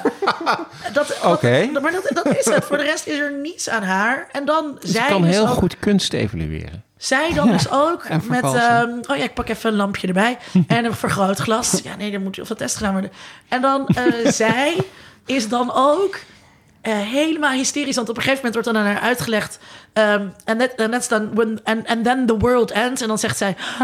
Including my son. Ja, precies Oh dat. God, echt. Dus die hele Max die dient ook eh, nergens toe, behalve om haar dan dus een reden ehm, eh, te geven om gered te willen worden eh, van die. eh, Ja, van en, en, en, en, ook om te laten zien hoe vreed Kenneth Branagh is. En dan te laten zien hoe goed de protagonist is in dat hij haar wil beschermen. maar, eh, maar ik ja. zou echt niet weten waarom de protagonist, wat me best een toffe gast lijkt, waarom hij dat zou voelen en doen en willen Om- met haar. om- omdat alles wat gebeurd is al gebeurd is. Precies. Dus hij kan niet anders. Ja. maar ja, dat, is, dat vind ik dus hier niet, eh, niet bevredigend. Nee. Maar het is bevredigender als, als Max wel eigenlijk Neil is in de toekomst. Want dan heeft hij hem niet voor niets gered. Maar en bij zijn moeder gehouden. Maar dan Maar hij, ja, maar hij redt toch ook niet echt Max? Want ik bedoel, dan, Ja, dan doet wel. moeder er niet toe. Bedoel, Nou. dan kan, want die Max kan dan gewoon bij, eh, hoe heet- hoe heet die gast? Sotor, Sator? Nee, want dan krijgen ze toch een soort... Dan, dan zijn ze vrienden en dan worden ze echt hele goede vrienden in de toekomst. Ja, en hij redt, het hij redt hem natuurlijk in die zin wel... dat als hij, als hij niet, zeg maar, eh, eh, die twee huurmoordenaars aan het einde had doodgeschoten... Dan, dan waren zij er waarschijnlijk allebei niet meer geweest. Eh, nee, want ze ging alleen, eh, Priya ging alleen die moeder doden. Ja, is dat zo? Ja, Hmm. want, Ja, want dat was een loose end. Die Max niet. Die Max Ja, wat weet die Max verder? niet Nee. gezien, nee. Hmm. Was de hele tijd weg. Ja, nou ja, hij heeft er wel van die boot zien springen. Ja, was hij, daar was hij bij, Daar toen was zijn moeder bij, dat zag. Ja, maar ik vind dus dat je... eh, het is wel echt opmerkelijk dat je in 2020 een film maakt... waarbij er zo weinig Maar is- Mhm. emotionele uitwisseling is... tussen wat de love interest zou moeten zijn. Kuis kusje op Mhm. de wang. Ik bedoel, de, de, de Star Wars films zijn er niks bij wat dat betreft. Ehm, en, en ja, dus ontbreekt... Ja, zij had de Bond girl moeten zijn. Want er zitten natuurlijk duidelijke elementen in deze maar film. daar is ook niet sexy. Ze is ook niet Mhm. sexy. Er, er zit geen emotie in. Ze is niet sexy. En ik moest dus denken aan... Daardoor lijkt de protagonist bijna een soort eh, ridder. Mhm. En de ridders hadden aanvankelijk ook geen enige andere alliantie... dan aan eh mederidders en aan eh, de koning en zo. En die lieten zich vooral niet leiden door eh, aardse zaken... zoals lust voor een, voor, voor een vrouw. Dat, dat- voor freule. Met, ja, met lang haar uit een toren van... Die, waar, je- ja. Weet je, dat, dat, dat is het enige wat ik kan bedenken... dat hij zo eervol is... dat hij gewoon iedereen wil redden. Ja, maar, dat, maar dat, dat, dat, daarom- dat wordt natuurlijk ge- neergezet aan het begin van de film bij, tijdens de opera. Dat hij dan Precies. degene die is die terugrent het gebouw met de explosieve... omdat hij toch het publiek wil redden. Het is niet onze missie. Het is nu wel de mijne. Ja, dat er niemand dood mag gaan of zo. Ja. Als was het een aflevering van die E-team. Ja. Nou, Wat Ja, vonden jullie ja, van haar? eh, nou, ik, ik, zit, ik, ik zat er meer aan te je denken... bent niet zo into dit- de vrouwen. Nee, ik ben niet zo into de vrouwen, maar ik zat er ook meer aan te denken dat het eigenlijk gewoon een algemeen probleem in de films van Nolan is. Dat eigenlijk de meeste karakters niet uitgediept worden, eigenlijk niet zo heel veel persoonlijkheid hebben. En die vriendschap tussen, tussen de protagonist en Neil, daar voelde ik wel Ja, maar dat, bij. dat, dat ligt niet aan het script. Dat ligt aan de chemie die Robert Pattinson en Ja. ehm, John David Washington Washington, ja, Ja. klopt. ehm, met elkaar hadden. ja. Dat, dat was duidelijk in elke scène waar zij in zaten. Maar als je bijvoorbeeld inderdaad naar zijn, zijn vorige film eh, Dunkirk eh, kijkt, dat, ik vind dat een fantastisch, fantastische film. Misschien wel, eh, misschien wel zijn beste film. Ehm, maar de karakters daarin zijn eigenlijk helemaal geen karakters. Dat zijn meer figuranten die daarin rondlopen om het verhaal vooruit te brengen. Maar die zijn verder helemaal geen persoonlijkheid of zo hebben. Nou, dat zit ook eigenlijk in, in, in andere films van hem eh, tot op zekere hoogte. In Inception zit dat natuurlijk ook. Die mensen hebben ook eigenlijk niet zo heel veel persoonlijkheid. Behalve misschien Leo- Leonardo DiCaprio, maar zelfs die... Ah, die is een beetje dik. Nou, is. Dat is Ja, nou, jawel hoor. Dat is wel, was wel weer, ik was ik, opnieuw afgeknapt. Toch weer? Ah. Dus dat is meer denk ik gewoon een Nolan-probleem. Waar ik, waardoor, ja, Joseph Gordon-Levitt, die, die mag in iedere film. Eh, maar eh, eh, waardoor, waardoor ik denk ik daar ook eh, helemaal niet zo op gelet heb... en me ook niet zo stoorde, omdat ik dat gewoon van Nolan verwacht... dat die karakters eigenlijk niet zo, niet zo ertoe doen. Dat, ze het, alleen maar, dat het alleen maar plot devices eh, eh, zijn. Dus het, het heeft mij niet zo gestoord dat zij geen... eh, Maar, geen maar zelf, zelfs had, tussen, tussen al die karakters ehm, is het wel gênant hoe je de enige prominente vrouw in die Mhm. film volledig laat definiëren door haar moederschap ja, ehm, En haar lichaam. en haar lichaam. Eh, heel ze is wel Neil Gainsy. heel erg, Ja. eh, maar ze is ook wel heel erg dun. het is echt zo'n Ik zei net modelletje. skinny bitch, Ja. toen zat jij... Nou, Nou, ik zo. noem maar geen bitch, maar, maar, maar het, het is... eh, Het is gewoon een uitdrukking. ja, oké, maar nee, nee, maar goed, maar het, het, het, het viel mij zelfs, en ik nogmaals, ik heb niet zo heel veel met vrouwen, maar het viel mij zelfs op dat ik dacht van, nou, dit is, dit is wel op de anorexia af, zeg maar. Ze is echt heel dun. Mm. Ja, volgens mij is ook verder niet echt veel als actrice. Ze is heel erg getu- Alles waar ik erin heb gezien, speelt ze de vervreemde vrouw van een biljonair die eigenlijk onder die relatie uit. Oké. Ehm, wat heel jammer voor haar is. maar een niche Ehm, gevonden. Ja, maar ik vind het dus echt gênant dat Nolan niet iets beters met haar karakter kon. Dus hij heeft al vaker kritiek gegeven, gekregen op zijn films en hoe hij vrouwen schrijft. Ja, want Ellen Page Ehm. in Inception is ook niet echt... eh, En Marion Cotillard in, in Inception ook niet. Mm. En in Dunkirk zijn, Zijn geen vrouwen. En ook Interstellar is het ook allemaal. En Hathaway mag dan een hel verhaal over liefde ophangen. En je hebt dan Murph en die mag iets... zo, Ja, nee. Liefde is de enige constante in het universum. Ik haat Interstellar. Ik niet. Het een heerlijke Oh my film. Uh, nee, echt vreselijk. Ehm, nee, dus ik vind het echt wel gênant dat je dan daarmee aankomt zetten uh, nu. Dat je, je zegt van, ja... En het moet dan de Bond girl zijn. Maar Mhm. zelfs Bondfilms, die empoweren Bond girls nu meer dan dit. dit. Ja. En vroeger, en vroeger ook al eh, meer. eh, want dan hadden die Bond girls die hadden in ieder geval een agenda. Ja, Mhm. die, die hadden en, een eigen en wil. zij zo, is ja. alleen maar hope, hopeloos, hulpeloos, agencyloos. Red mij en mijn zoon. Ja, en, en dat, En- en, en de dat kan ook niet anders met Ja. die hakken. Ja, want dan kan je ook gewoon niks. En, en even nog over Bond, want eh, ik denk dat, we- dat we allemaal het idee hebben, en dat klopt ook, want het is ook door hem zelf verteld, eh, dat hier duidelijk geprobeerd is om een beetje een Bondgevoel te geven. Hè? De hele wereld over en dure jachten en, en, en zeilboten en weet ik veel wat allemaal. Werkt dat? Ja, ik zat wel, oké, sick, dit is James Bond on steroids. In Ja. zich ben ik wel James Bond fan. Ben jij James Bond? Ja, niet echt fan, maar vroeger in- met mijn partijtje gingen we ook naar James Bond. Mhm. Toen had Madonna een soundtrack gemaakt. Ik ben een jaar, twee jaar geleden naar Moonraker geweest. Nou, Mhm. dat is echt, dat is, daar hebben de vrouwen nog veel minder agency dan in deze, dan in Tenet. Eh, en ik wilde hier iets anders ook nog over zeggen. Oh ja, het is wel heel duidelijk dat de volgende Bond Idris Elba moet zijn. Ja, Ja. Dat is, als dat, je dat dit is het ziet- enige wat ik tijdens deze film dacht. Was gewoon cast Idris Elba als Bond. Alsjeblieft. Ja. Lafaards. Dat, dat waren mijn bondgedachten bij Ja. Tenet. Ja. Ja, precies. Want het is, eh, de- de- ja, eh, Washington is eigenlijk een soort James Bond-achtige figuur in deze film. Ik heb, ben niet zo'n heel erg Bond-fan, kijker. Ik heb wel veel van die oude Bond-films eh, gezien, omdat ik oud ben. Eh, eh, maar dat het nieuwe met Daniel Craig, dat kon me niet zo heel erg meer boeien.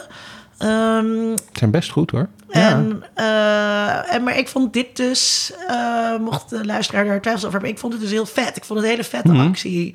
En eh, ik, ik zat er echt eh, lekker in. En eh, dan die, zo'n die katamaran scène die natuurlijk ook nergens op sloeg. Oh ja, want dat je is moet overleggen. Ja. Alleen- dat- volgens mij alleen maar dat er een uitje voor de cast was dat ze mochten zeilen. Ja, dat, ze, dat ze bedacht hadden hoe ze dat konden doen. Maar je gaat natuurlijk niet over die plutonium deal praten. eh, Op een katamaran. Op een katamaran, terwijl je dus ook nog eens een keertje iets elektrisch Ja. op je hoofd hebt. Wat je ook heel makkelijk kan afluisteren. Wat je heel, ja, precies. Wat je, ja, dat leek me heel onveilig. En een scuba pak, wat echt niet nodig was. En een scuba pak dat dan vervolgens niet gebruikt wordt. Ja, op het moment dat. Kenneth Branagh van die boot afflikkert. Ja, ja. Dat hij dan alsnog half verdrinkt. Ja, Dat, ehm, ehm, maar ik vond het wel leuk. En ik vond dus ook al die locaties leuk. Ik vond het heel leuk dat er eh, dus heel veel dingen in, eh, in Tallinn waren. Eh, niet voor de hand liggend, maar ik neem aan dat het gemeentebestuur van Tallinn daar dik betaald voor heeft. In het kader van media tourism. precies. Ja, o- of gewoon, gewoon alles op belasting heeft af laten schrijven of zo. eh. Ja, dus het Ja. is voor city marketing dus heel geil als zo'n film naar je stad eh, komt. Ik wil nu ook over de snelweg rijden. Achteruit. Ja. En naar Tallinn. Of, Ja, hangt een beetje vanaf. Ehm, dat, eh, ehm, wat, ja, ja, dus ik, dat, ik, ik vond dat dus allemaal wel leuk. En als dat dan in al die nieuwe Bond-films zit, dan ga ik die alsnog niet kijken. Want had ik dat blijkbaar in de bioscoop moeten kijken en niet op mijn valt tv. mee hoor. De, de, die Daniel Craig films die zijn eh, ook buiten de bioscoop eh, prima eh, te kijken. Het is best gewoon knap gemaakt allemaal. En Daniel Craig doet het gewoon Nou, maar ik goed. bedoel, voor de over, overwhelmende ervaring qua actie en erin zitten. Is, is minder van belang, vind ik. Denk ik, maar kijk ook naar Tom. Bij, bij die Bondfilms is dat denk ik minder van belang dan bij deze film. Ik heb geen enkele van die nieuwe Bondfilms in de bioscoop gezien. En ik heb me altijd Ja. vermaakt. Precies. Dus eh, ja. Mm. Nu moet je, Belinda. ja. Ik moet helemaal niks. ik ben niet jouw plot device. Cecilia. Nee, Je ontkomt er niet aan. ik ga ook die hakken niet aantrekken. Ah. Nou, we, hadden het, we hebben het al gehad natuurlijk over dat er geen, eh, geen echte romantiek in deze film eh, zit. Want er is, er is geen romance. Is het een bromance tussen eh, de Oh, protagonist en Neil? misschien. Ja, dat- zij leken ook echt de enige mensen in die film die lol hadden. Dus Ja. gewoon, het is een vrij humorloze film verder. Weet die ene gast met die baard? Die is ook leuk. Oh, Ja, eh, de enige eh, andere Yves? persoon van kleur. Ives? Ives. Ives. Ja. Ja, Ives. Ives. Die, die soldaat. eh, ja, die vond ik ook wel. Ja, maar ook Ives vond ik een, vreemd karakter, omdat je eigenlijk. eh, eh, zijn naam wordt op een gegeven moment genoemd. Ja. En er Ja. wordt, wordt op een gegeven moment Oh. ook gedaan alsof hij echt wel een soort Erbij van hoort. erbij hoort. Ja. Maar waar komt hij vandaan en wie Ja, is die, hij? is in de, En- die is in de toekomst al gerecruiteerd. Ja, dat neem ik aan. Ah, maar ja. Maar dat ja. vond ik echt een. Er, viel, er was wel meer in deze film wat een beetje uit de lucht kwam vallen, vond ik. Maar Ives vond ik wel heel Ik, opmerkelijk. ik vond Ja, het... Ik denk, dat ik hele denk dat leger dacht ik van, hè? Ja, dat was toch raar? Ja. Dat Ja. er dan in één keer een hele operationele allemaal, unit eh, eh, blijkbaar Ja, achter de kwam dus uit Ja, ja, maar- de cavalry, de cavalry, de cavalry. Oh ja, nee, we hebben ook uiterst beschikking over eindeloos veel materieel. Ja, maar dat vond ik wel leuk ook als hint van... Oh, die protagonist die valt nu echt een wereld binnen die veel groter is dan dat hij eigenlijk dacht. Want hij dacht dus dat hij de protagonist was, ja. Hij Uh, is de City maakt het protagonist. Tenet eh, handgebaar. Ehm, ehm, maar dat, Dat ik- had ik trouwens ook niet gezien bij de eerste, bij de eerste zitting. Eh, want toen dacht ik, hè, hoezo heeft hij het handgebaar gekregen, maar dat maakt hij helemaal nooit. En bij de tweede, toen zag ik, oh, dat doen ze allemaal de hele Ja, tijd. Een soort easter egg. Ah. Nee, Ehm, Nee. Sorry maar- dat ik je onderbrak. Nee, maar dat is oké. Eh, maar dat vond ik eigenlijk wel leuk. Dat je dan het zit van... Oh, wat tof eigenlijk. Dat is dus allemaal veel groter deze wereld... dan het kleine spy-trillertje dat ik dacht dat ik aan het kijken was. Wat ik daar dan weer wel raar aan vond... en dat is een van die dingen waarvan je de seconde dat je erover nadenkt... dat het dan fout gaat. Ehm Ive zegt... Ja, maar we hebben net pas deze, eh, deze turnstile... dat je dus tijd kan reversen ehm, gekregen. Eh, dus hier kunnen we niks doen. Maar je kan wel ergens anders naartoe een week geleden. Maar dan moeten we even kijken, want dat is moeilijk. En later in de film hebben ze daarvoor nog een gigantische facility met allemaal poorten waar mensen doorheen kunnen, waar een of leger gereversed kan worden. Maar op het moment dat Elizabeth de Becky is neergeschoten of Cat, ehm, dan is het allemaal heel moeilijk, want waar gaan we dan zo'n sluis vandaan halen? En, en, en ze weten niet, want hij zegt dan, eh, de protagonist zegt, eh, nou, ik ga er gewoon doorheen, ik ga het gewoon, doen. door. En kan ik dit? Ja, dat weten we niet. We weten nog maar heel weinig, maar dat, we weten die technologie allemaal. al hartstikke Ja. veel gebruikt. Ja, want hij heeft, als het goed is, de week daarvoor al de temporal pincer move gedaan. Want de eindscène speelt zich af voor het begin van de film. Ja. Ja. Dus dat weet hij dan, als het goed is. En, en daar hebben ze die, die, die pincer move ook met heel erg veel mensen Ja. eh, doen ze die. En dan Ja. begrijpen, ze er alles van, want het is helemaal tot op het Of, of zijn ze dan op een later punt teruggegaan? Of misschien mag hij dat nog niet weten, wat zij allemaal over de Oh, technologie weten. need to of know niet te basis and you Ja, don't. precies. Ehm, Ja. Maar eh, nog daarover, wat ik, wat ik niet zo goed Oh, begreep. wat heerlijk moet het zijn geweest om die film te schrijven. Ja, ja, maar, maar is het dat dan is- geen los eindje? Nee hoor. Nee, hoor. Daar hebben we een uitleg voor. Daar hebben we Nee, een maar ze zijn voor. achteraf nog een paar keer heen en weer gegaan. Dat buiten beeld. Nou, wat ik, wel, wat ik wel had bij, bij Sator is dat... eh, op, wat ik niet zo goed begreep is... Op een gegeven moment is hij op de boot. En eh Cat is daar dan om hem eh, te doden uiteindelijk. Ehm, dan belt hij... I will kill you. I kill you. Eh, dan belt hij op een gegeven moment met de protagonist... die op dat moment in Stalag 12 is. Ja. En wat ik me nou afvroeg is van welke Sator is dit nou? Want als Ja. dit de Sator is uit die tijdlijn... hoe kan hij dan weten dat hij naar Stalag 12, 12 Nee, want, want de, de, de, de eh, Sator uit eh, die tijdlijn... die is dan in Kiev bij de opera. En daarom weten ze ook dat hij op dat moment niet op de boot is. Want ze weten dat hij bij die opera in Kiev is. Maar is hij- ja... Maar, bij die, misschien bij die nooit bij opera de hebben we hem niet gezien. Nee, maar er wordt gezegd, het was dan en dan die datum. En, Oh oh ja, want toen was de opera in Kiev. Dus hij, hij Ja, het is dan- wel op dezelfde dag als de opera, volgens mij. Maar, dat- maar, ja, of hij daar dan was, oké. Nou ja, goed. Nou, dat, dat viel mij op, want ik dacht op een gegeven moment van... hoe weet jij dat je deze man nu moet opbellen? Eh, of heb je zelf dan ook terug in de tijd gereisd of zo? Dus dat vond ik ook verwarrend. Misschien moet ik hem een derde keer kijken. ja, maar ik had dat ook Hij met... werd ehm, eh, Werd hij niet zelf gebeld? Nee, hij, hij zegt op een gegeven moment tegen Ik moet Cat... iets checken. Maar, Hij maar hij had toch de, de protagonist op een missie gestuurd... en daar ging je even naartoe bellen.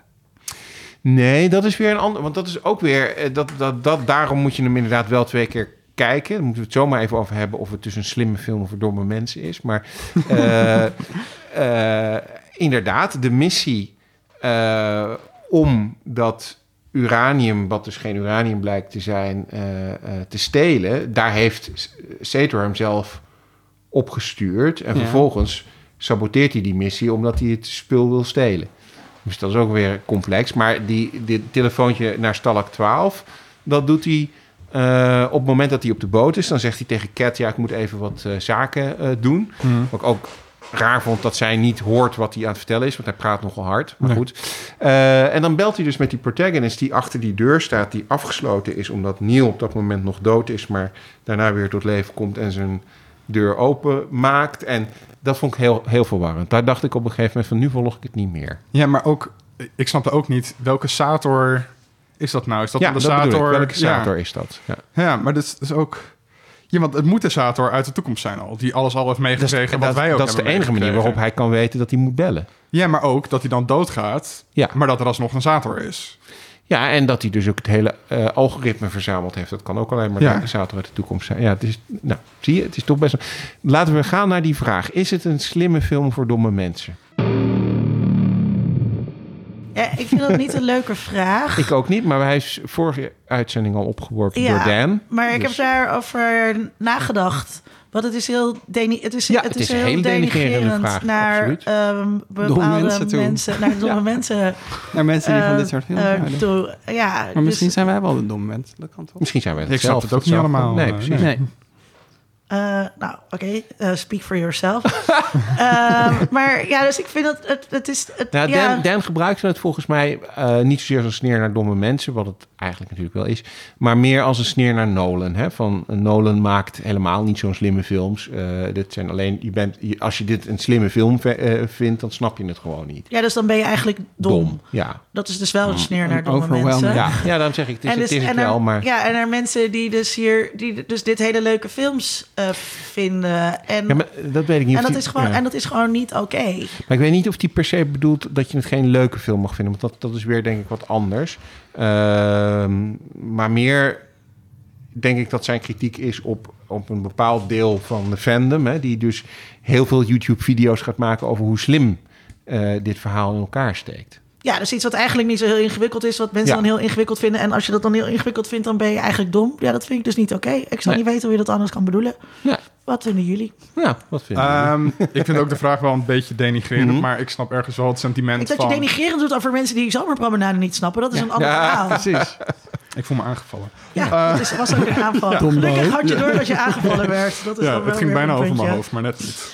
Ehm, maar ik, ik, ik erger me daar ook best wel aan van, van die Nolan-fans en ook met andere films is dat. Dat mensen zeggen, oh, dit is de diepste shit ooit. Ja, sorry, Nolan maakt geen hele diepe films. Het zijn leuke films, spannende films. Ze zitten ingewikkeld in elkaar. Ik vind het leuk om daarmee te tinkeren, dus als een puzzel.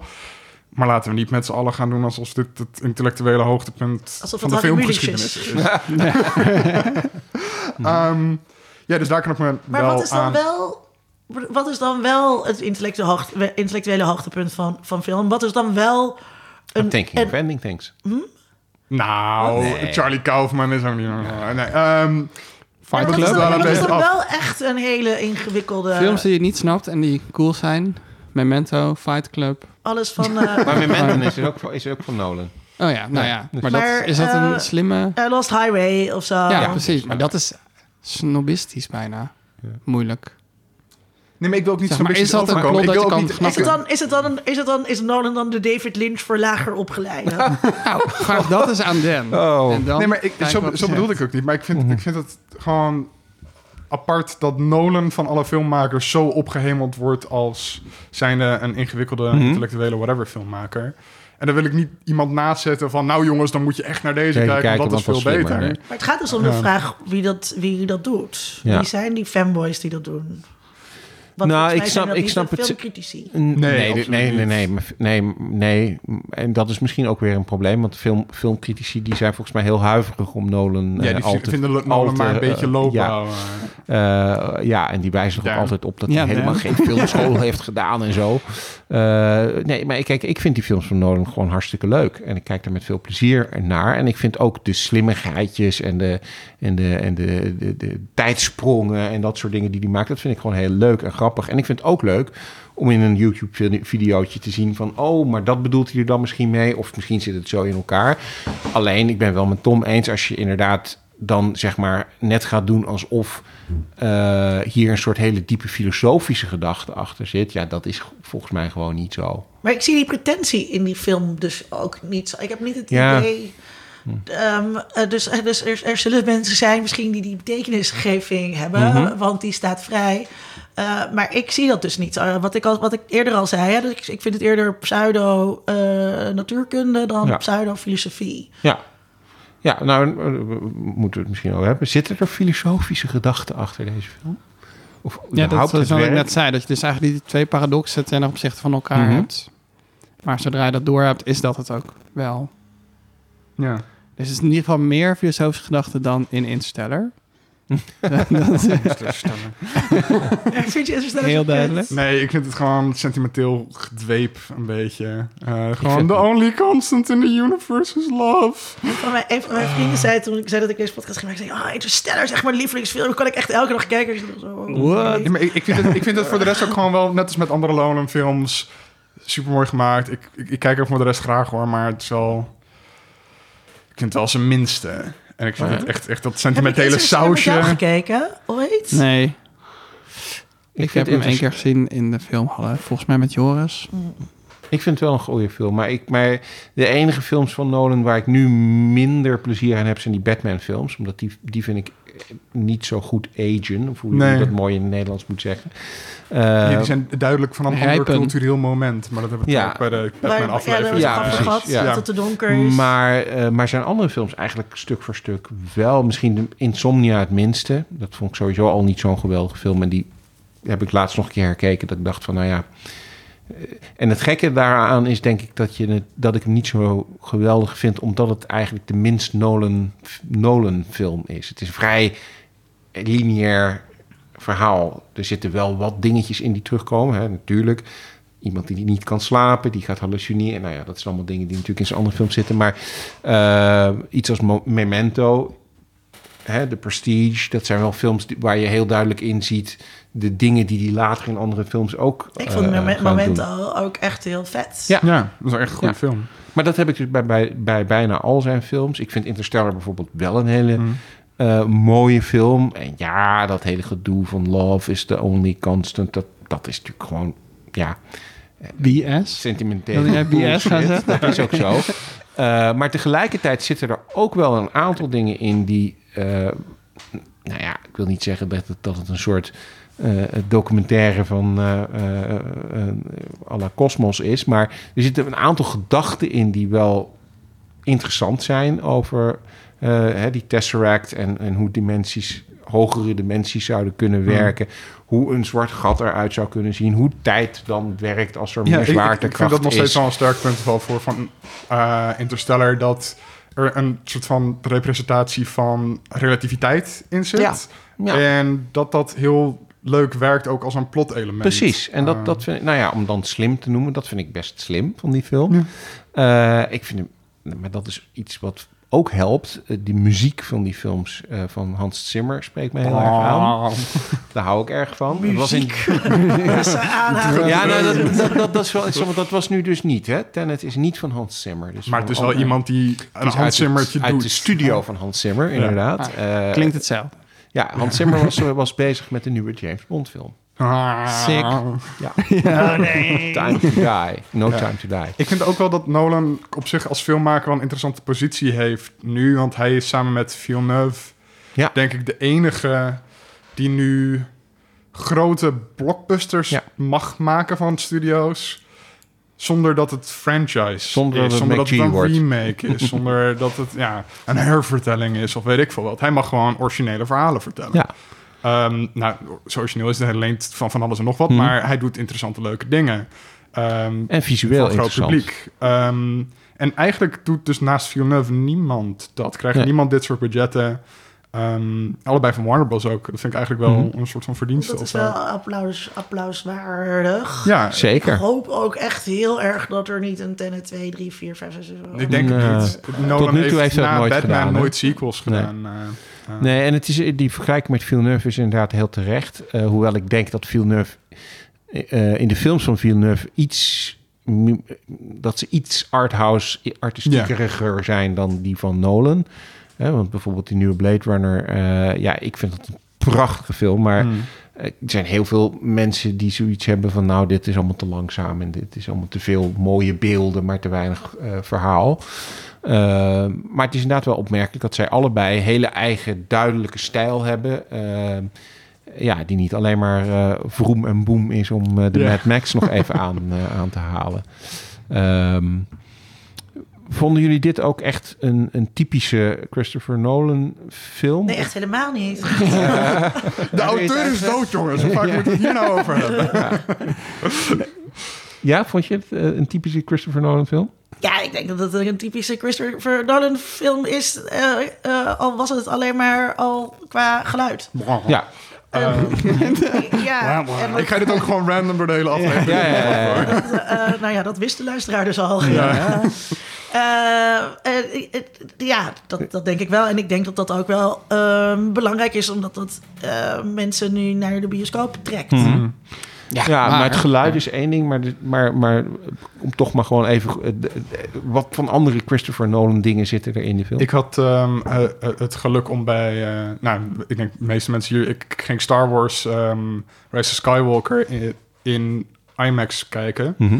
En toen kon je dus al een stukje eh, van... De, die- de eerste scène, ehm, Mhm. die, die kreeg je toen al te de zien. opera. En voordat er überhaupt in beeld stond waar ik naar keek...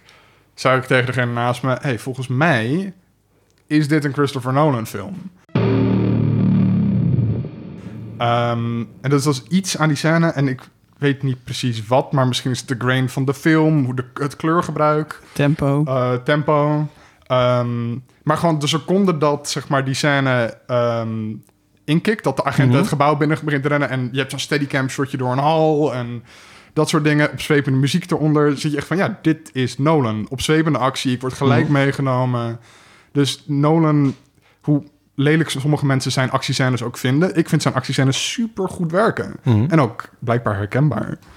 Ehm, maar ik weet niet precies wat dat daar, daar dan is. Dat ik zit van, oh, dat is wat Nolan maakt. Heb jij nog iets wat, het- wat het Nolan maakt, een film? Ik heb gisteren nog Inception gekeken. Wat duidelijk wel echt een veel coolere film is. Dat Tenet? Dan Tenet. Oh ja. En ik, mm, maar ik weet niet.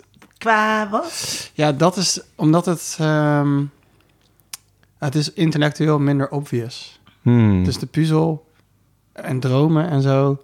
Dat, eh, dat was een nieuwer idee. Tenminste voor mij. Dan tijdreizen. Dan tijdreizen. Ja. En werelden die je kan eh, bouwen als een soort supergame. Mm. Ja, echt heel vet. Eh, en het ziet er ook... Je zit eigenlijk naar vijf films tegelijkertijd te Mhm. kijken. Dat, en dat is dus ook met de tijd... Omdat het dus de tijd in de tijd in de tijd... een soort matroeska-poppetje natuurlijk is.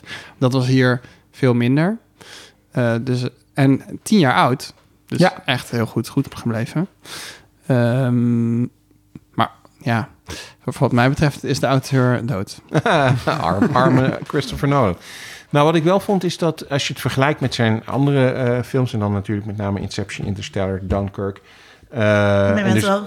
ja, Memento, eh, die valt nou even net buiten mijn vergelijking. Omdat ik in het punt wat ik wilde maken. Want Memento is inderdaad veel low- meer low, low budget. Hè. Is veel, veel eerder in zijn carrière gemaakt. Is ook niet zo. Zitten niet van die spectaculaire set pieces in, eh, zoals dat wordt gezegd. Maar die zitten wel in Inception en, en Interstellar en Dunkirk. Ehm, dat vond ik hier dus weer minder. Ja, hij gaat de hele wereld over. Ehm, maar het ziet er minder gelikt of minder, ehm, ehm, ja, minder gelikt, vind ik, uit dan in zijn vorige films. Vond ik. Maar misschien dat ik, dat, dat ik helemaal alleen, alleen in sta. Maar bijvoorbeeld dat in Mumbai, dat ze dan eh, op dat gebouw eh, klimmen, dat is heel vet. Eh, maar dat was geen, zeg maar, als, als dat in Inception was gebeurd, dan was dat een wolkenkrabber van eh 600 verdiepingen geweest. Waar En in Batman is een hele vergelijkbare scène... waar Ja. het met een soort skyhook uit een helikopter... of uit een vliegtuig is waar hij dan naartoe parachuteert of Klopt. zo. Nou ja, Ja. en in, in die Batman-film zit natuurlijk ook een scène met een grote truck waarvan alles mee gebeurt. Dat is duidelijk veel Bombastischer. bombastischer, anders belicht, Hmm. anders in scène gezet dan bijvoorbeeld die scène waarin ze in Tallinn eh Ja, dat is op een in grijze auto. dag ergens in een grijze stad. Hele vette scène trouwens. Ja. Ik vond dat heel slim bedacht. Ja, ik vond het... Het zou niet misstaan in een Mad Max film. Ja, ja. En, en, en eh, ik heb vorige keer nog zitten zeiken over achtervolgingen. Maar dit vond ik daadwerkelijk wel eh, Achtervolging. tof In- gedaan. Twee kanten op. Ja. Ja. Ja. Ja. En daar gedaan. zit je ook heel erg misschien nog naar te kijken. De tweede keer dat je gaat van, oh, hoe de fuck hebben ze dat gedaan? En dan is het toch film achteruit afgespeeld. Ja, en waar, waar ik ook dus, waar ik wel, wat wel vergelijking was met de Matrix een beetje. ehm, ik vond de, de, de, ehm, de technologie en het verhaal hier heel goed samenkomen. Met dat achteruit eh, lopen en achteruit rijden en achteruit dingen. En dat klopt natuurlijk natuur- natuurkundig niet helemaal. Maar eh, dat, dat, heb, dat paste, dat vond ik dat ze dat heel vet hadden gedaan qua technologie. Ik weet niet hoe nieuw dat is, zeg maar, om deze specials te maken. Maar dat sloot goed aan bij het verhaal en dat vond ik wel echt vet. Ja. Nou, wat ze qua eh, special effects is... eh, maar goed, dat, dat, ja, dat vond je bij eh, 1917 een gimmick. Eh, wat, wat, het, wat hier wel speelt, is dat er heel weinig special effects in zitten. Zitten wel praktische... 1917 vond ik een onzin Ja, ding, omdat omdat, het- ze zeggen het is een Ja. one eh, shot en Maar het dat is, is het niet niet. one Nee, shot. dus ik ga niet naar iets zitten kijken. Oh, Ja. Niet Nou, meer, wat- ik weer boos worden. Ja, nee, precies, precies. Elke keer Daar- Elke keer begin ik erover. Ja, omdat het een goede film Ik is. ga hem echt Maar, niet kijken. eh, Wil je een leuke one-shot film zien? Victoria. Hebben jullie gezien? Nee, ik heb Nee, niet gezien. Lola Rent? Ja. Dat is geen one-shot. Nee. Nee. De Ehm, videoclip van eh, Unfinished Sympathy van Massive Ja, Attack. maar dat duurt toch niet... eh, Vette video. Duurt nog niet anderhalf uur? vast. Oké, we Nou, en dwalen zitten, een beetje zitten, af. we dwalen een beetje af. Er zitten overigens Oh, dan mogen we in één keer niet meer afhalen. veel meer over one-shots gesproken. In Steven Spielberg films zitten heel veel one-shots, maar daar ligt heel weinig eh, aandacht op. Hij, de meeste one-shots zijn heel erg... Ik laat nu zien dat ik dit in één shot eh 20 minuten lang kan doen. Spielberg doet het heel vaak, maar dat, dat wordt niet belicht. Dat hij niet een aansteller is. Juist, ja, misschien is het dat. Heel understated. Ehm, de auteur is geen aansteller. nee, deze, deze auteur eh, niet. Maar even de special effects van Tenet. Christopher Ze Nolan hebben- is wel een aansteller trouwens. ja. Ja, maar dat is niet erg, vind ik. Ja, nee, ik, ik ook niet. Nee.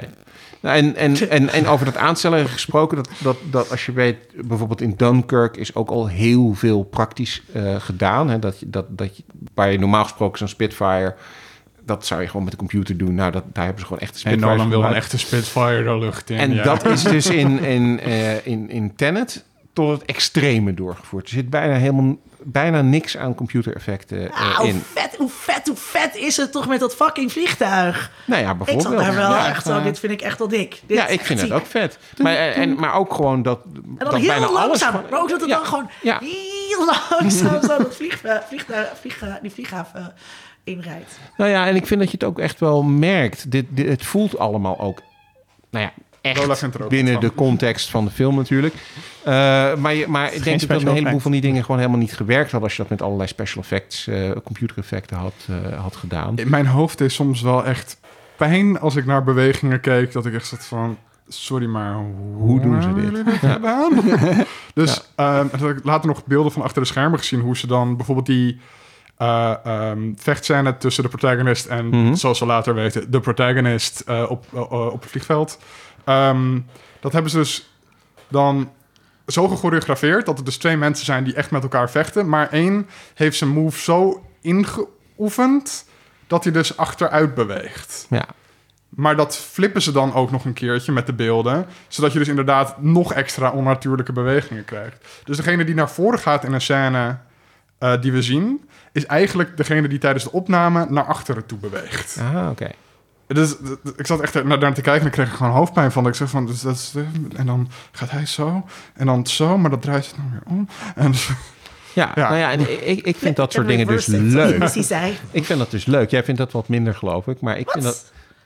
Hele tijd zit ik hier de loptrompet over deze actie. Ja, Ja, dan- oké, dan oké. krijg ik dit Nee, maar ik, nee, wat ik bedoel, ik bedoel dat ik vind het dus leuk om dit te weten en het dan nog een keer te kijken. Eh, eh, Oh, hoe het gedaan is. ja. Oh, ja, nee, ik, nee, ik hoef niet zo eh, eh, behind Ja. the scenes. eh. Weet je wat ik ook vet vond? Boten die achteruit door het water varen.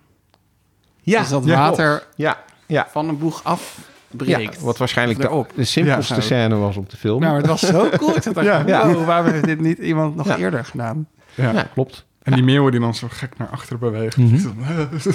Of water inderdaad, als je in een plas gaat stappen dan. ja. Hmm. En Hoe eh, plas je als je inverted bent? ja, maar is je plas dan ook inverted?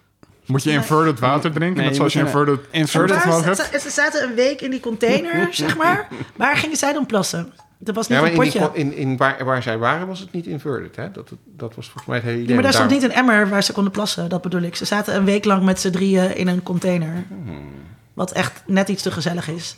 Ja, Ja, zo maar je hebt in Away gezien dat je je plas gewoon kunt recyclen. Daar ging, daar ging een hele ook- Oh, aflevering ja, maar ik, over. ben, ik heb er net niet verder gekomen. Dan, Ik heb afleveringen gekeken en toen vond ik het wel leuk. Oh. En inverted Ja. plascondoom en dan kan je er wel in Ja. plassen. Oh, natuurlijk. Een plascondom. Oké. Ja. Eh, exposition.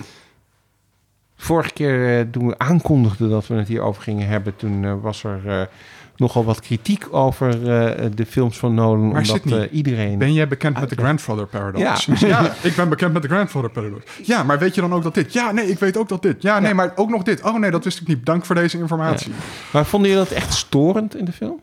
Ja, Ja. Ja. ja. Ehm, even kijken hoor. Ik dacht wel van, oké, we gaan heel hard. Maar ik dacht ook van, ja, ik snap het nog niet helemaal. Leg het nog eens uit. Tegen, nou, dat had ik niet. Ja, ik vond het ook dat ze het maakt het eerst zo heel ingewikkeld met dat schilderij. En dat je denkt, dat heeft uiteindelijk helemaal niks met het hele verhaal te maken. Het deed er uiteindelijk helemaal Nee. niet toe, want hij had het vernietigd, maar hij had het toch weer niet vernietigd. Want Ja. hij had er überhaupt dus niet naar gekeken of hij het wel het was vernietigd echt had. eigenlijk een overbodig ingewikkeldheid aan het begin. Ja. Eh, Maar ja, dan toen- had je weer een excuus om Michael Caine ergens in te gooien, zodat hij weer wat dingetjes mag, mag Ja, uitleggen. precies. Maar toen op een gegeven Sir moment was het van... Oké, Neil komt de protagonist tegen en eh, trekt zijn helm af en ziet dan dat hij het is. En valt hem dus niet aan. Toen dacht ik al, oh, wacht, dit zijn zij zelf. Ja. En ze, ze komen uit de toekomst. Dus ze moeten nog een keer de hele film, maar dan achteruit kijken. Mm. Dus ze hebben een beetje haast. Dus ik snap nu wel dat er zo wordt uitgelegd. Dat was mijn gedachte erbij. Ja. Ja, ik, ja ik, ik, ik, ik, ik wist dus dat het uitgelegd ging worden. Het was niet nodig eh, om het uitgelegd te krijgen. Eh, ja, dat was, dat was een beetje vervelend. Maar het duurt nou ook weer niet heel lang. Nee. Niks duurt lang in deze film. Want ik was dus bang bij de tweede zitting dat het, heel, dat het saai zou worden, zeg maar. Dat je al bepaalde dingen al zou weten. En dat was helemaal niet. Gewoon overal gewoon Ja. lekker hard gaan. Ja. Ja, dat zit waarschijnlijk in de editing. Want zo'n normale editor die hij altijd gebruikt... die kon ook weer niet bij deze film. Oh. Net zoals een componist niet kon. Dus nu is een andere editor, een vrouw. Ik ben haar naam nu kwijt, maar goed. Sydney kijkt weer betekenisvol naar mij. Eh, en zij heeft eh, de Jij film ook geëdit op een, op een manier die wel wat anders is dan zijn andere films. Dit is, dit is allemaal veel sneller. In zijn andere films eh, zijn shots wat langer. Heb je wat meer tijd, zeg maar. En hier gaat alles heel snel. Heel snel, eh, eh, heel snel geknipt, heel snelle actie. En alle scènes zijn ook kort. Ja, Je rent voortdurend naar de volgende setting eh, toe. Ja, dus ik vond dat... Ik vond dat daar, daardoor het uitleggerige minder erg. Ik ging dus toen Inception kijken... Mhm. eh, waar ook weer alles uitgelegd wordt. En daar vond ik het vervelender. Ja, ik, ik vond Inception ook bij herkijken, in tegenstelling tot, tot Lieve, vond ik het mindere film. Ehm, ik- ja, ook door dat, door de, door de exposition, maar ik vond ook dat tijdens de derde act het gewoon een beetje begint te slepen en het allemaal een beetje te veel wordt. En ik vind Ja, alles wat er in de, in de sneeuwwereld gebeurt, dat vind ik eigenlijk, dat ben ik al afgehaakt. Ja, dat, ik was dat ook. Ik dacht nog van mijn herinnering van, oh ja, dat is eigenlijk best wel niet boeiend voor Ja. het hele verhaal. En uiteindelijk helemaal niet, Mhm. zelfs. Maar eh, ik was bijvoorbeeld die hele eerste wereld waar ze ingaan in dat busje. Dat was ik helemaal, Helemaal vergeten. Dus ik zat ja, ja, ja. van, holy shit. En Oh ja, waarom dit gebeurt ook nog. Ja, precies. What the fuck? Eh, en waarom regent het de hele tijd zo hard? En schieten. Maar eh, dus dat... Ja, dat het was gewoon heel veel laagjes ineens Ja. weer. Dat je Mhm. denkt van, oh vet. Nou, en ik vond zelf ook de exposition in, in Inception. Het is duidelijk dat hij erin zit. Maar het is, eh, er is wel nog enige moeite gedaan om het in het verhaal op de een of andere manier een plek te geven waarvan je niet meteen eh, zegt van ja, maar dit is echt alleen maar hier nu ingezet omdat we die exposition nodig hebben. Wat in films heel storend kan zijn natuurlijk. Mm. Ze Ja, doen tenminste de Ja. moeite om een excuus te hebben waarom Leonardo DiCaprio dat aan het uitleggen is. Ja. En niet alleen maar van ik ga het nu uitleggen, want ik moet dit nu uitleggen. Dus Zo, Ket, jij zit ook nu erbij. Dus eh, we gaan jou er nog even bij praten. ja, ja. Maar ik vond wel dat Ellen Page's karakter in Inception wel heel obvious soort van Zeker. de buitenstaander Ja. is Ja. aan wie iedereen moet Mhm. eh, waar alles aan moet uitgelegd. Nee, dat is ook zo. En dat is niet per Ook se de meest zij- creatieve schrijftechniek. En ook alsof Zeker zij niet. een beetje dommig ehm, is. Ja. Ja. Maar uiteindelijk is ze dat niet en krijgt ze ook wel wat meer een rol als zeg maar de, de tegenhanger van Leonardo DiCaprio die hem de hele tijd op zijn bullshit called, wat hij echt nodig heeft. Ehm, dus dat, uiteindelijk vind ik haar karakter daarin niet storend, maar ik vind dat wel vervelend dat zij aan het begin van de film als dom naïef meisje wordt neergezet. Ja, vond ik ook. Nog meer over Tenet wat we moeten bespreken? Of hebben we alles wel gehad? Nou, ik vind dat het er al best wel lang En we moeten nog een keertje Ja, we moeten ook nog Ja, helemaal terug. dat- oh ja. Anders doen we geen temporal Ja. pincer movement. Maar jullie moeten ook stoppen met lineair denken, jongens. Ja. Dat is echt Ja, passé. Zo passé. Ik had nog wel één ding. Die pil, hè? Ja, Die- de aan pil. het begin. Dat, Ik vond het Oh. sowieso vet dat de film dus echt terugwerkt. En dan niet letterlijk, maar wel gewoon... Niet letterlijk, maar gewoon... Een beetje scène voor scène werkt het weer achteruit. Maar die pil, aan het begin neemt hij die... en gaat hij dus niet dood. Nee. Maar Zetor wil zelf bepalen wanneer hij doodgaat... want hij heeft net als Steve Jobs ongeneesbare alvleesklierkanker. Mhm. En als hij de wereld niet kan hebben, dan eh, de rest van de wereld ook niet. If Dus I hij is van- have you. I love you. Dus hij zit naar die pil te kijken van... nou, die ga ik lekker nemen binnenkort... want dan gaat de wereld lekker naar de kloten. Maar als hij die genomen had... Ja, was niet was dat? hij niet doodgegaan. Ja. Ja. Dus... En hoe Die komt 10 hij aan zo'n seconden. CIA-pil? Ja, eh, die is ge, ge, ge, gedeaddropped Nee. Maar hij ergens. weet dus, en en hij is, dus, hij is dus ook te dom om te weten dat die pillen dus niet werken. Dat heeft hij dus niet Ja, maar op uit de toekomst gehoord. Maar, maar eh, dat vond ik ook wel... Dat was wel zo'n dingetje waarvan ik dacht van... misschien moet je daar dan wat meer exposition in geven. Want Mm. ja, nee, hij gaat dus niet dood. Maar er gebeurt wel iets. Het is niet zo dat die, dat die pil helemaal niks doet. Hè? Hij gaat wel oud. Ja, oud of, of hij krijgt een, een coma of wat dan ook. Er gebeurt iets met hem. Dus er is iets met die pil wat, wat, wat, wat wel werkt. En dat eh, Nee, misschien toch, want hij wordt neergeschoten. Ja. wordt hij neergeschoten. Ja. Ja, ja, Cat schiet hem dood. Ja, nee, zeker. Maar aan het begin Ja. van de Protagonist, film... Oh ja, de protagonist. de ja. protagonist, Nee, die, dat is om te die, hij neemt die pil eh, en Hij dan, gaat oud. en dan gaat hij oud en dan zie je hem pas weer als hij zeg maar wakker wordt. eh, En dan heb je nog geluk dat die Ru- Russische mobsters niet dan zitten... oh, hij is dood, laten we het lijk in stukken zagen en hem begraven. Nou ja, dat, maar... En ja, hoe, ja, hoe hebben ze hem als- daar dan uitgekregen? Niet over nadenken. Nee, en, en nou ja, misschien dat die mobsters ook wel voor de CIA werkten of zo. Omdat het was een test Oh, natuurlijk. dat was onderdeel van de test. Ah, dat is vreed. Ook, ook gewoon, ja, we hebben al je tanden uitgerokken, maar je hebt een nieuw gebit, dus maakt Ja. helemaal niet Ja, terwijl Ja. op de boot zat. Want op deze rare boot hebben we hier ook deze, al deze faciliteiten. uit. Ja. En een windmolen. Ga er maar in. Vond ik wel Ja. leuk, dat windmolenpark. Ja. Volker, Ja. als je luistert, dat was wat ik me voorgesteld had bij ons uitje. Oh.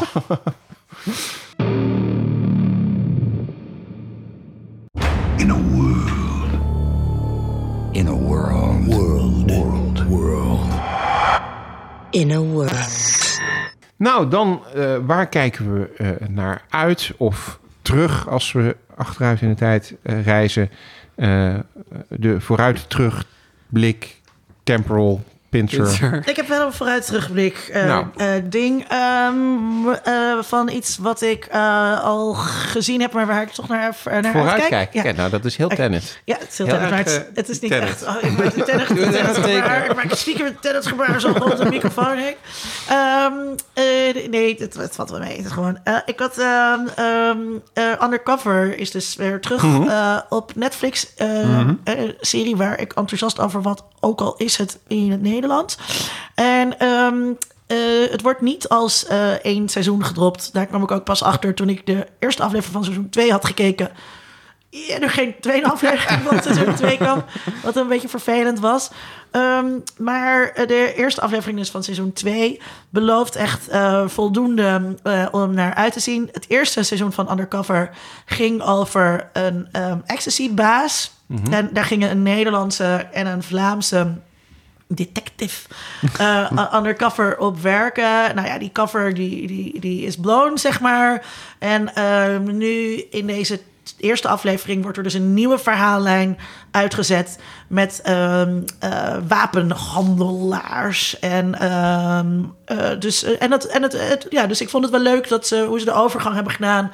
Eh, naar van, oké, dat, dat verhaal is zeg maar een soort van afgesloten. Al zit, want die drugsbaas die zit in de gevangenis. En nou ja, dat.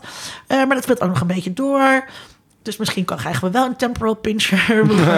Eh, en, en dus ja, van hoe dat, hoe dat seizoen eruit gaat zien. Ik heb er zin in. Oké, leuk. Ehm, ik heb zelf zin in Dune. Eh, Ja, die wilde de- ik ook zeggen. Ja, nee, die had je eerder moeten zijn. had je moeten zien aankomen en dan Oh had je ja, terug nee, moeten gaan. ik wist ik al moeten dat je dit ging Ja. zeggen natuurlijk. Ehm, nee, dus de trailer daarvan is net een weekje geleden uitgekomen. Iedereen is ook dat boek aan het herlezen Ja, of ik aan het ben dit lezen. boek aan het herlezen. Iedereen Eh, op mijn Goodreads is in één Ja. keer doen. ja, nee, dus ik heb eh, dus vorige week het boek gekocht. eh, omdat ik wist dat die trailer er ook aankwam. Ik had zo, nou, dan moet ik eigenlijk maar een keertje. Ehm, dus daar kijk ik heel erg naar uit. Daar ben ik net aan begonnen. Het is een beetje droog aan het begin. Ja, dat, dat, eh, Het ja. is heel veel van, oh, hier is een woord dat je niet kent. En hier nog eentje, en hier nog eentje. Kijk maar achter in het boek bij de woordenlijst wat dit allemaal betekent. En dan zien we je later. Ja, en het Ehm. heeft eh, nu eh, wij iets bekender zijn met bepaalde Arabische termen, ook wel iets vreemds. Ja, dus baklava is een gebakje. Ja, no shit. Dat Ja, weet ik. ja, ja. het was waarschijnlijk in de jaren zeventig nog niemand van die woorden, of zoals jihad en zo, gehoord Want was had. Marokko helemaal geen Nee. populaire vakantiebestemming Jawel, voor hippies. ja, ja, ja, Wel. misschien wel. Maar, ja. Ja. maar toch denk ik Het dat... was toen al orientalistisch. Oh, Ja, dat- Oh ja, het het orientalistisch. het is niet, Eh. maar in ieder geval valt het nu nog meer op dat het orientalistisch is. Maar, ja. maar toen was je er niet Oh, bij. de, Nee, de boek er zelf. bij. Ja. Ja. was En en de film? een beetje bij. Een beetje bij. Maar eh, in, in de trailer die ziet er ook gewoon, zoals het hoort bij Villeneuve, Ja. prachtig uit. Ehm, en natuurlijk een bizar, echt een bizarre cast. Met, Mhm. met iedereen van Timothy Chalamet tot Oscar Zendaya. Isaac, tot Zendaya, tot Jason Momoa en weet ik veel wie nog meer. Ehm ja, dus daar kijk ik gewoon heel erg naar uit. Dat wordt soort van de blockbuster van december. Mhm. Ehm, Klinkt een beetje zoals mensen uitzagen naar Cats. Ja, ja, nee, het is heel vergelijkbaar met Cats. Ja, heel, ja, ja, ja. sure. Bijna hetzelfde Eh, verhaal. Dat zat iedereen toch ook, oh, de, eh, de cast die... Oh nee, eh, van de Lion King was dat. Oh, Dus, ja. Toen zat ook iedereen, wow, deze cast is Oh, de, fantastisch. Nooit de, over gehoord. de mensen... De geanimeerd, niet geanimeerde Lion King bedoel je? Ja, Nee, de wel geanimeerde Lion King. Die we live action noemen, maar die het niet is, want het is alleen maar computeranimatie. De niet getekende. Ja. Ja. Ehm, ja, dus ik ben heel erg benieuwd naar Dune. Ja, Ja, ik heb hem al gezien in de toekomst. Aha. Hij is echt vet. Ik moet ook nog maar zijn oude gaan kijken dan. ja Het is heel lang zeker de moeite heb ik die waard. op mijn Ja. computer al staan. Van eh, Lynch, toch? Ja, David maar niet heel erg Lynchig. Eh, nou, er zitten wel wat lyncherige dingen in. Eh, maar dit was duidelijk een film eh, die bedoeld was als een blockbuster. En dat is niet echt David Lynch natuurlijk. Eh, maar ja, het, ja ik vind een het goed een bekeken heerlijk... televisieserie gemaakt anders. Ja. Ja. Klopt, klopt, klopt. Eh, ik vind het een heerlijke film. Echt, eh, echt de moeite waard om even te kijken. Maar het duurt ook heel lang. Daar zijn verschillende versies van. Oh, ik heb een hele lange versie. ik heb is een hele lange versie. hele lange versie. Dat is de extended version, maar dat is echt de Alan Smithy versie, eh, version volgens mij. Volgens mij eh, was Lynch sowieso niet zo heel blij met wat er uiteindelijk Nee, hij heeft is. ook later volgens mij gezegd dat dat de enige film is waar hij spijt van Ja. heeft. Toch kijken. Toch kijken. Toch kijken. Ja. Oké, ik wil eerst een temporal pincher movement doen. Mhm. Want de volgende keer dat ik hier was, als we het over Picard gaan hebben, ga ik zeggen dat ik iedereen aanraad om eh, Westworld verder te kijken. Dat dat echt cool is. Maar dat neem ik bij deze dus terug. Eh, en wil ik zeggen dat eigenlijk de beste serie tot nu toe gewoon Watchmen is. Mhm. Ja. Maar dat weten we al. En ik... Maar what has happened, has happened. Ja, precies. Dus als je, dit achter, als, als je dit nu luistert, dan weet je het vast. Als je achterstevoren de podcast luistert, nu dat kan toch? Ja, ja, weet je het vast voor een paar maanden Als je die kant op gaat. Ja. Dat, dat meen ik niet. Ehm, en ik las op Twitter dat de cast van Mandalorian 2 moest Jedi eh, jassen aan en met kappen op, zodat, ze niet konden, kon, zodat je niet kon zien wie het waren als ze de set op en af liepen. Hmm. Boba Fett zit erin. Nou, Oh? daar word je toch enthousiast van. Ja, Boba Fett zat al in het eerste seizoen, maar dat had niemand door. Eh, Het was een soort, soort Easter egg. Eh, om eh, toch nog even die term erin te gooien. Eh, maar het eh, volgende seizoen Hij komt... was een van die stormtroopers die niet kon eh, raakschieten. nee, nee, hij zit in een, in een soort post-credit scène, maar dan zie je alleen maar zijn schoenen en dan hoor je een geluidje. Dat geluidje, dat is hetzelfde geluidje als die had in de eh, eh, episode 4. De, Maar was het de acteur ook al? Of ja, de acteur die, die Boba Fett speelt, die, is, die, die is, zit in het volgende seizoen. Dus maar de- was hij ook dan in die... Waren dat zijn voeten? Dat weten we niet. Dit wordt allemaal heel geheimzinnig gehouden. Maar de, de uh, uh, acteur is een Nieuw-Zeelandse acteur. Die, die dus de clones en Django Fett speelde. Die speelt nu Boba Fett. Dus die zit Oké. daarin. Ja. Dus dat zou... Ook een uh, soort temporal pincer movement. Ja. Ja. Ja. En ik kijk natuurlijk heel erg uit naar herfstpromenade. Want die staat weer voor de deur. Ja, een beetje als Summerpromenade, maar dan net anders. Dit is vast een grap die heel leuk is. Als je Ja. Als je het begrijpt. Alle, alle ja. medekijkers. Een slimme grap voor domme zoals, mensen. Zal, zoals even zo zeggen... Ja, leuk. Ja, leuk. Oké, nou ja. Ik kijk uit naar uh, Dat de... zou ook echt wel een soort... Oké, ja, nou, dat zou zo dus in herfstpromenade kunnen. Ik kijk uit naar uh, Raised by Wolves. Dat is een nieuwe serie van Ridley Scott. Uh, die is al begonnen, maar ik heb hem nog niet kunnen, kunnen zien. Uh, en die wordt volgens mij ook iedere week gedrop, gedropt. Dus volgens mij staat nog niet het hele seizoen online. Um, het idee is dat in de toekomst uh, de aarde... Nou ja, daar zal wel iets mee mis zijn. Want dat is altijd zo in de toekomst. En um, er wordt een groepje kinderen naar een planeet gebracht... Um, waar ze een nieuwe beschaving moeten beginnen. En ze, ze worden opgevoed door robots. En die robots zien er gewoon uit als mensen, behalve als ze hun vel aftrekken, want dan zie je, dan zie je dat het robots zijn. Maar goed.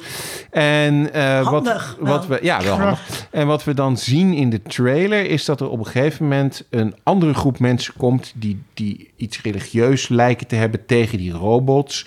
En die uh, ja, ofwel die kinderen willen redden of die kinderen willen ontvoeren. En die duidelijk het niet eens zijn met het opvoeden door die robots uh, van die kinderen. En die andere ideeën hebben over hoe de mensheid eh, eruit moet gaan zien.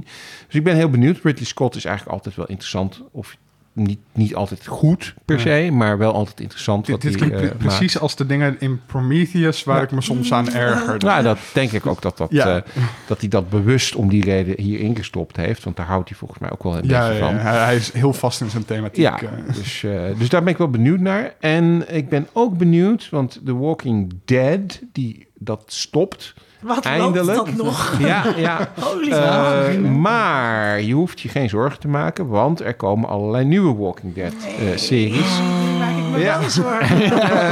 uh, waaronder The Walking Dead The World Beyond. Nee. Um, en dat is een serie die al een tijdje aangekondigd wordt. Begint op 4 oktober.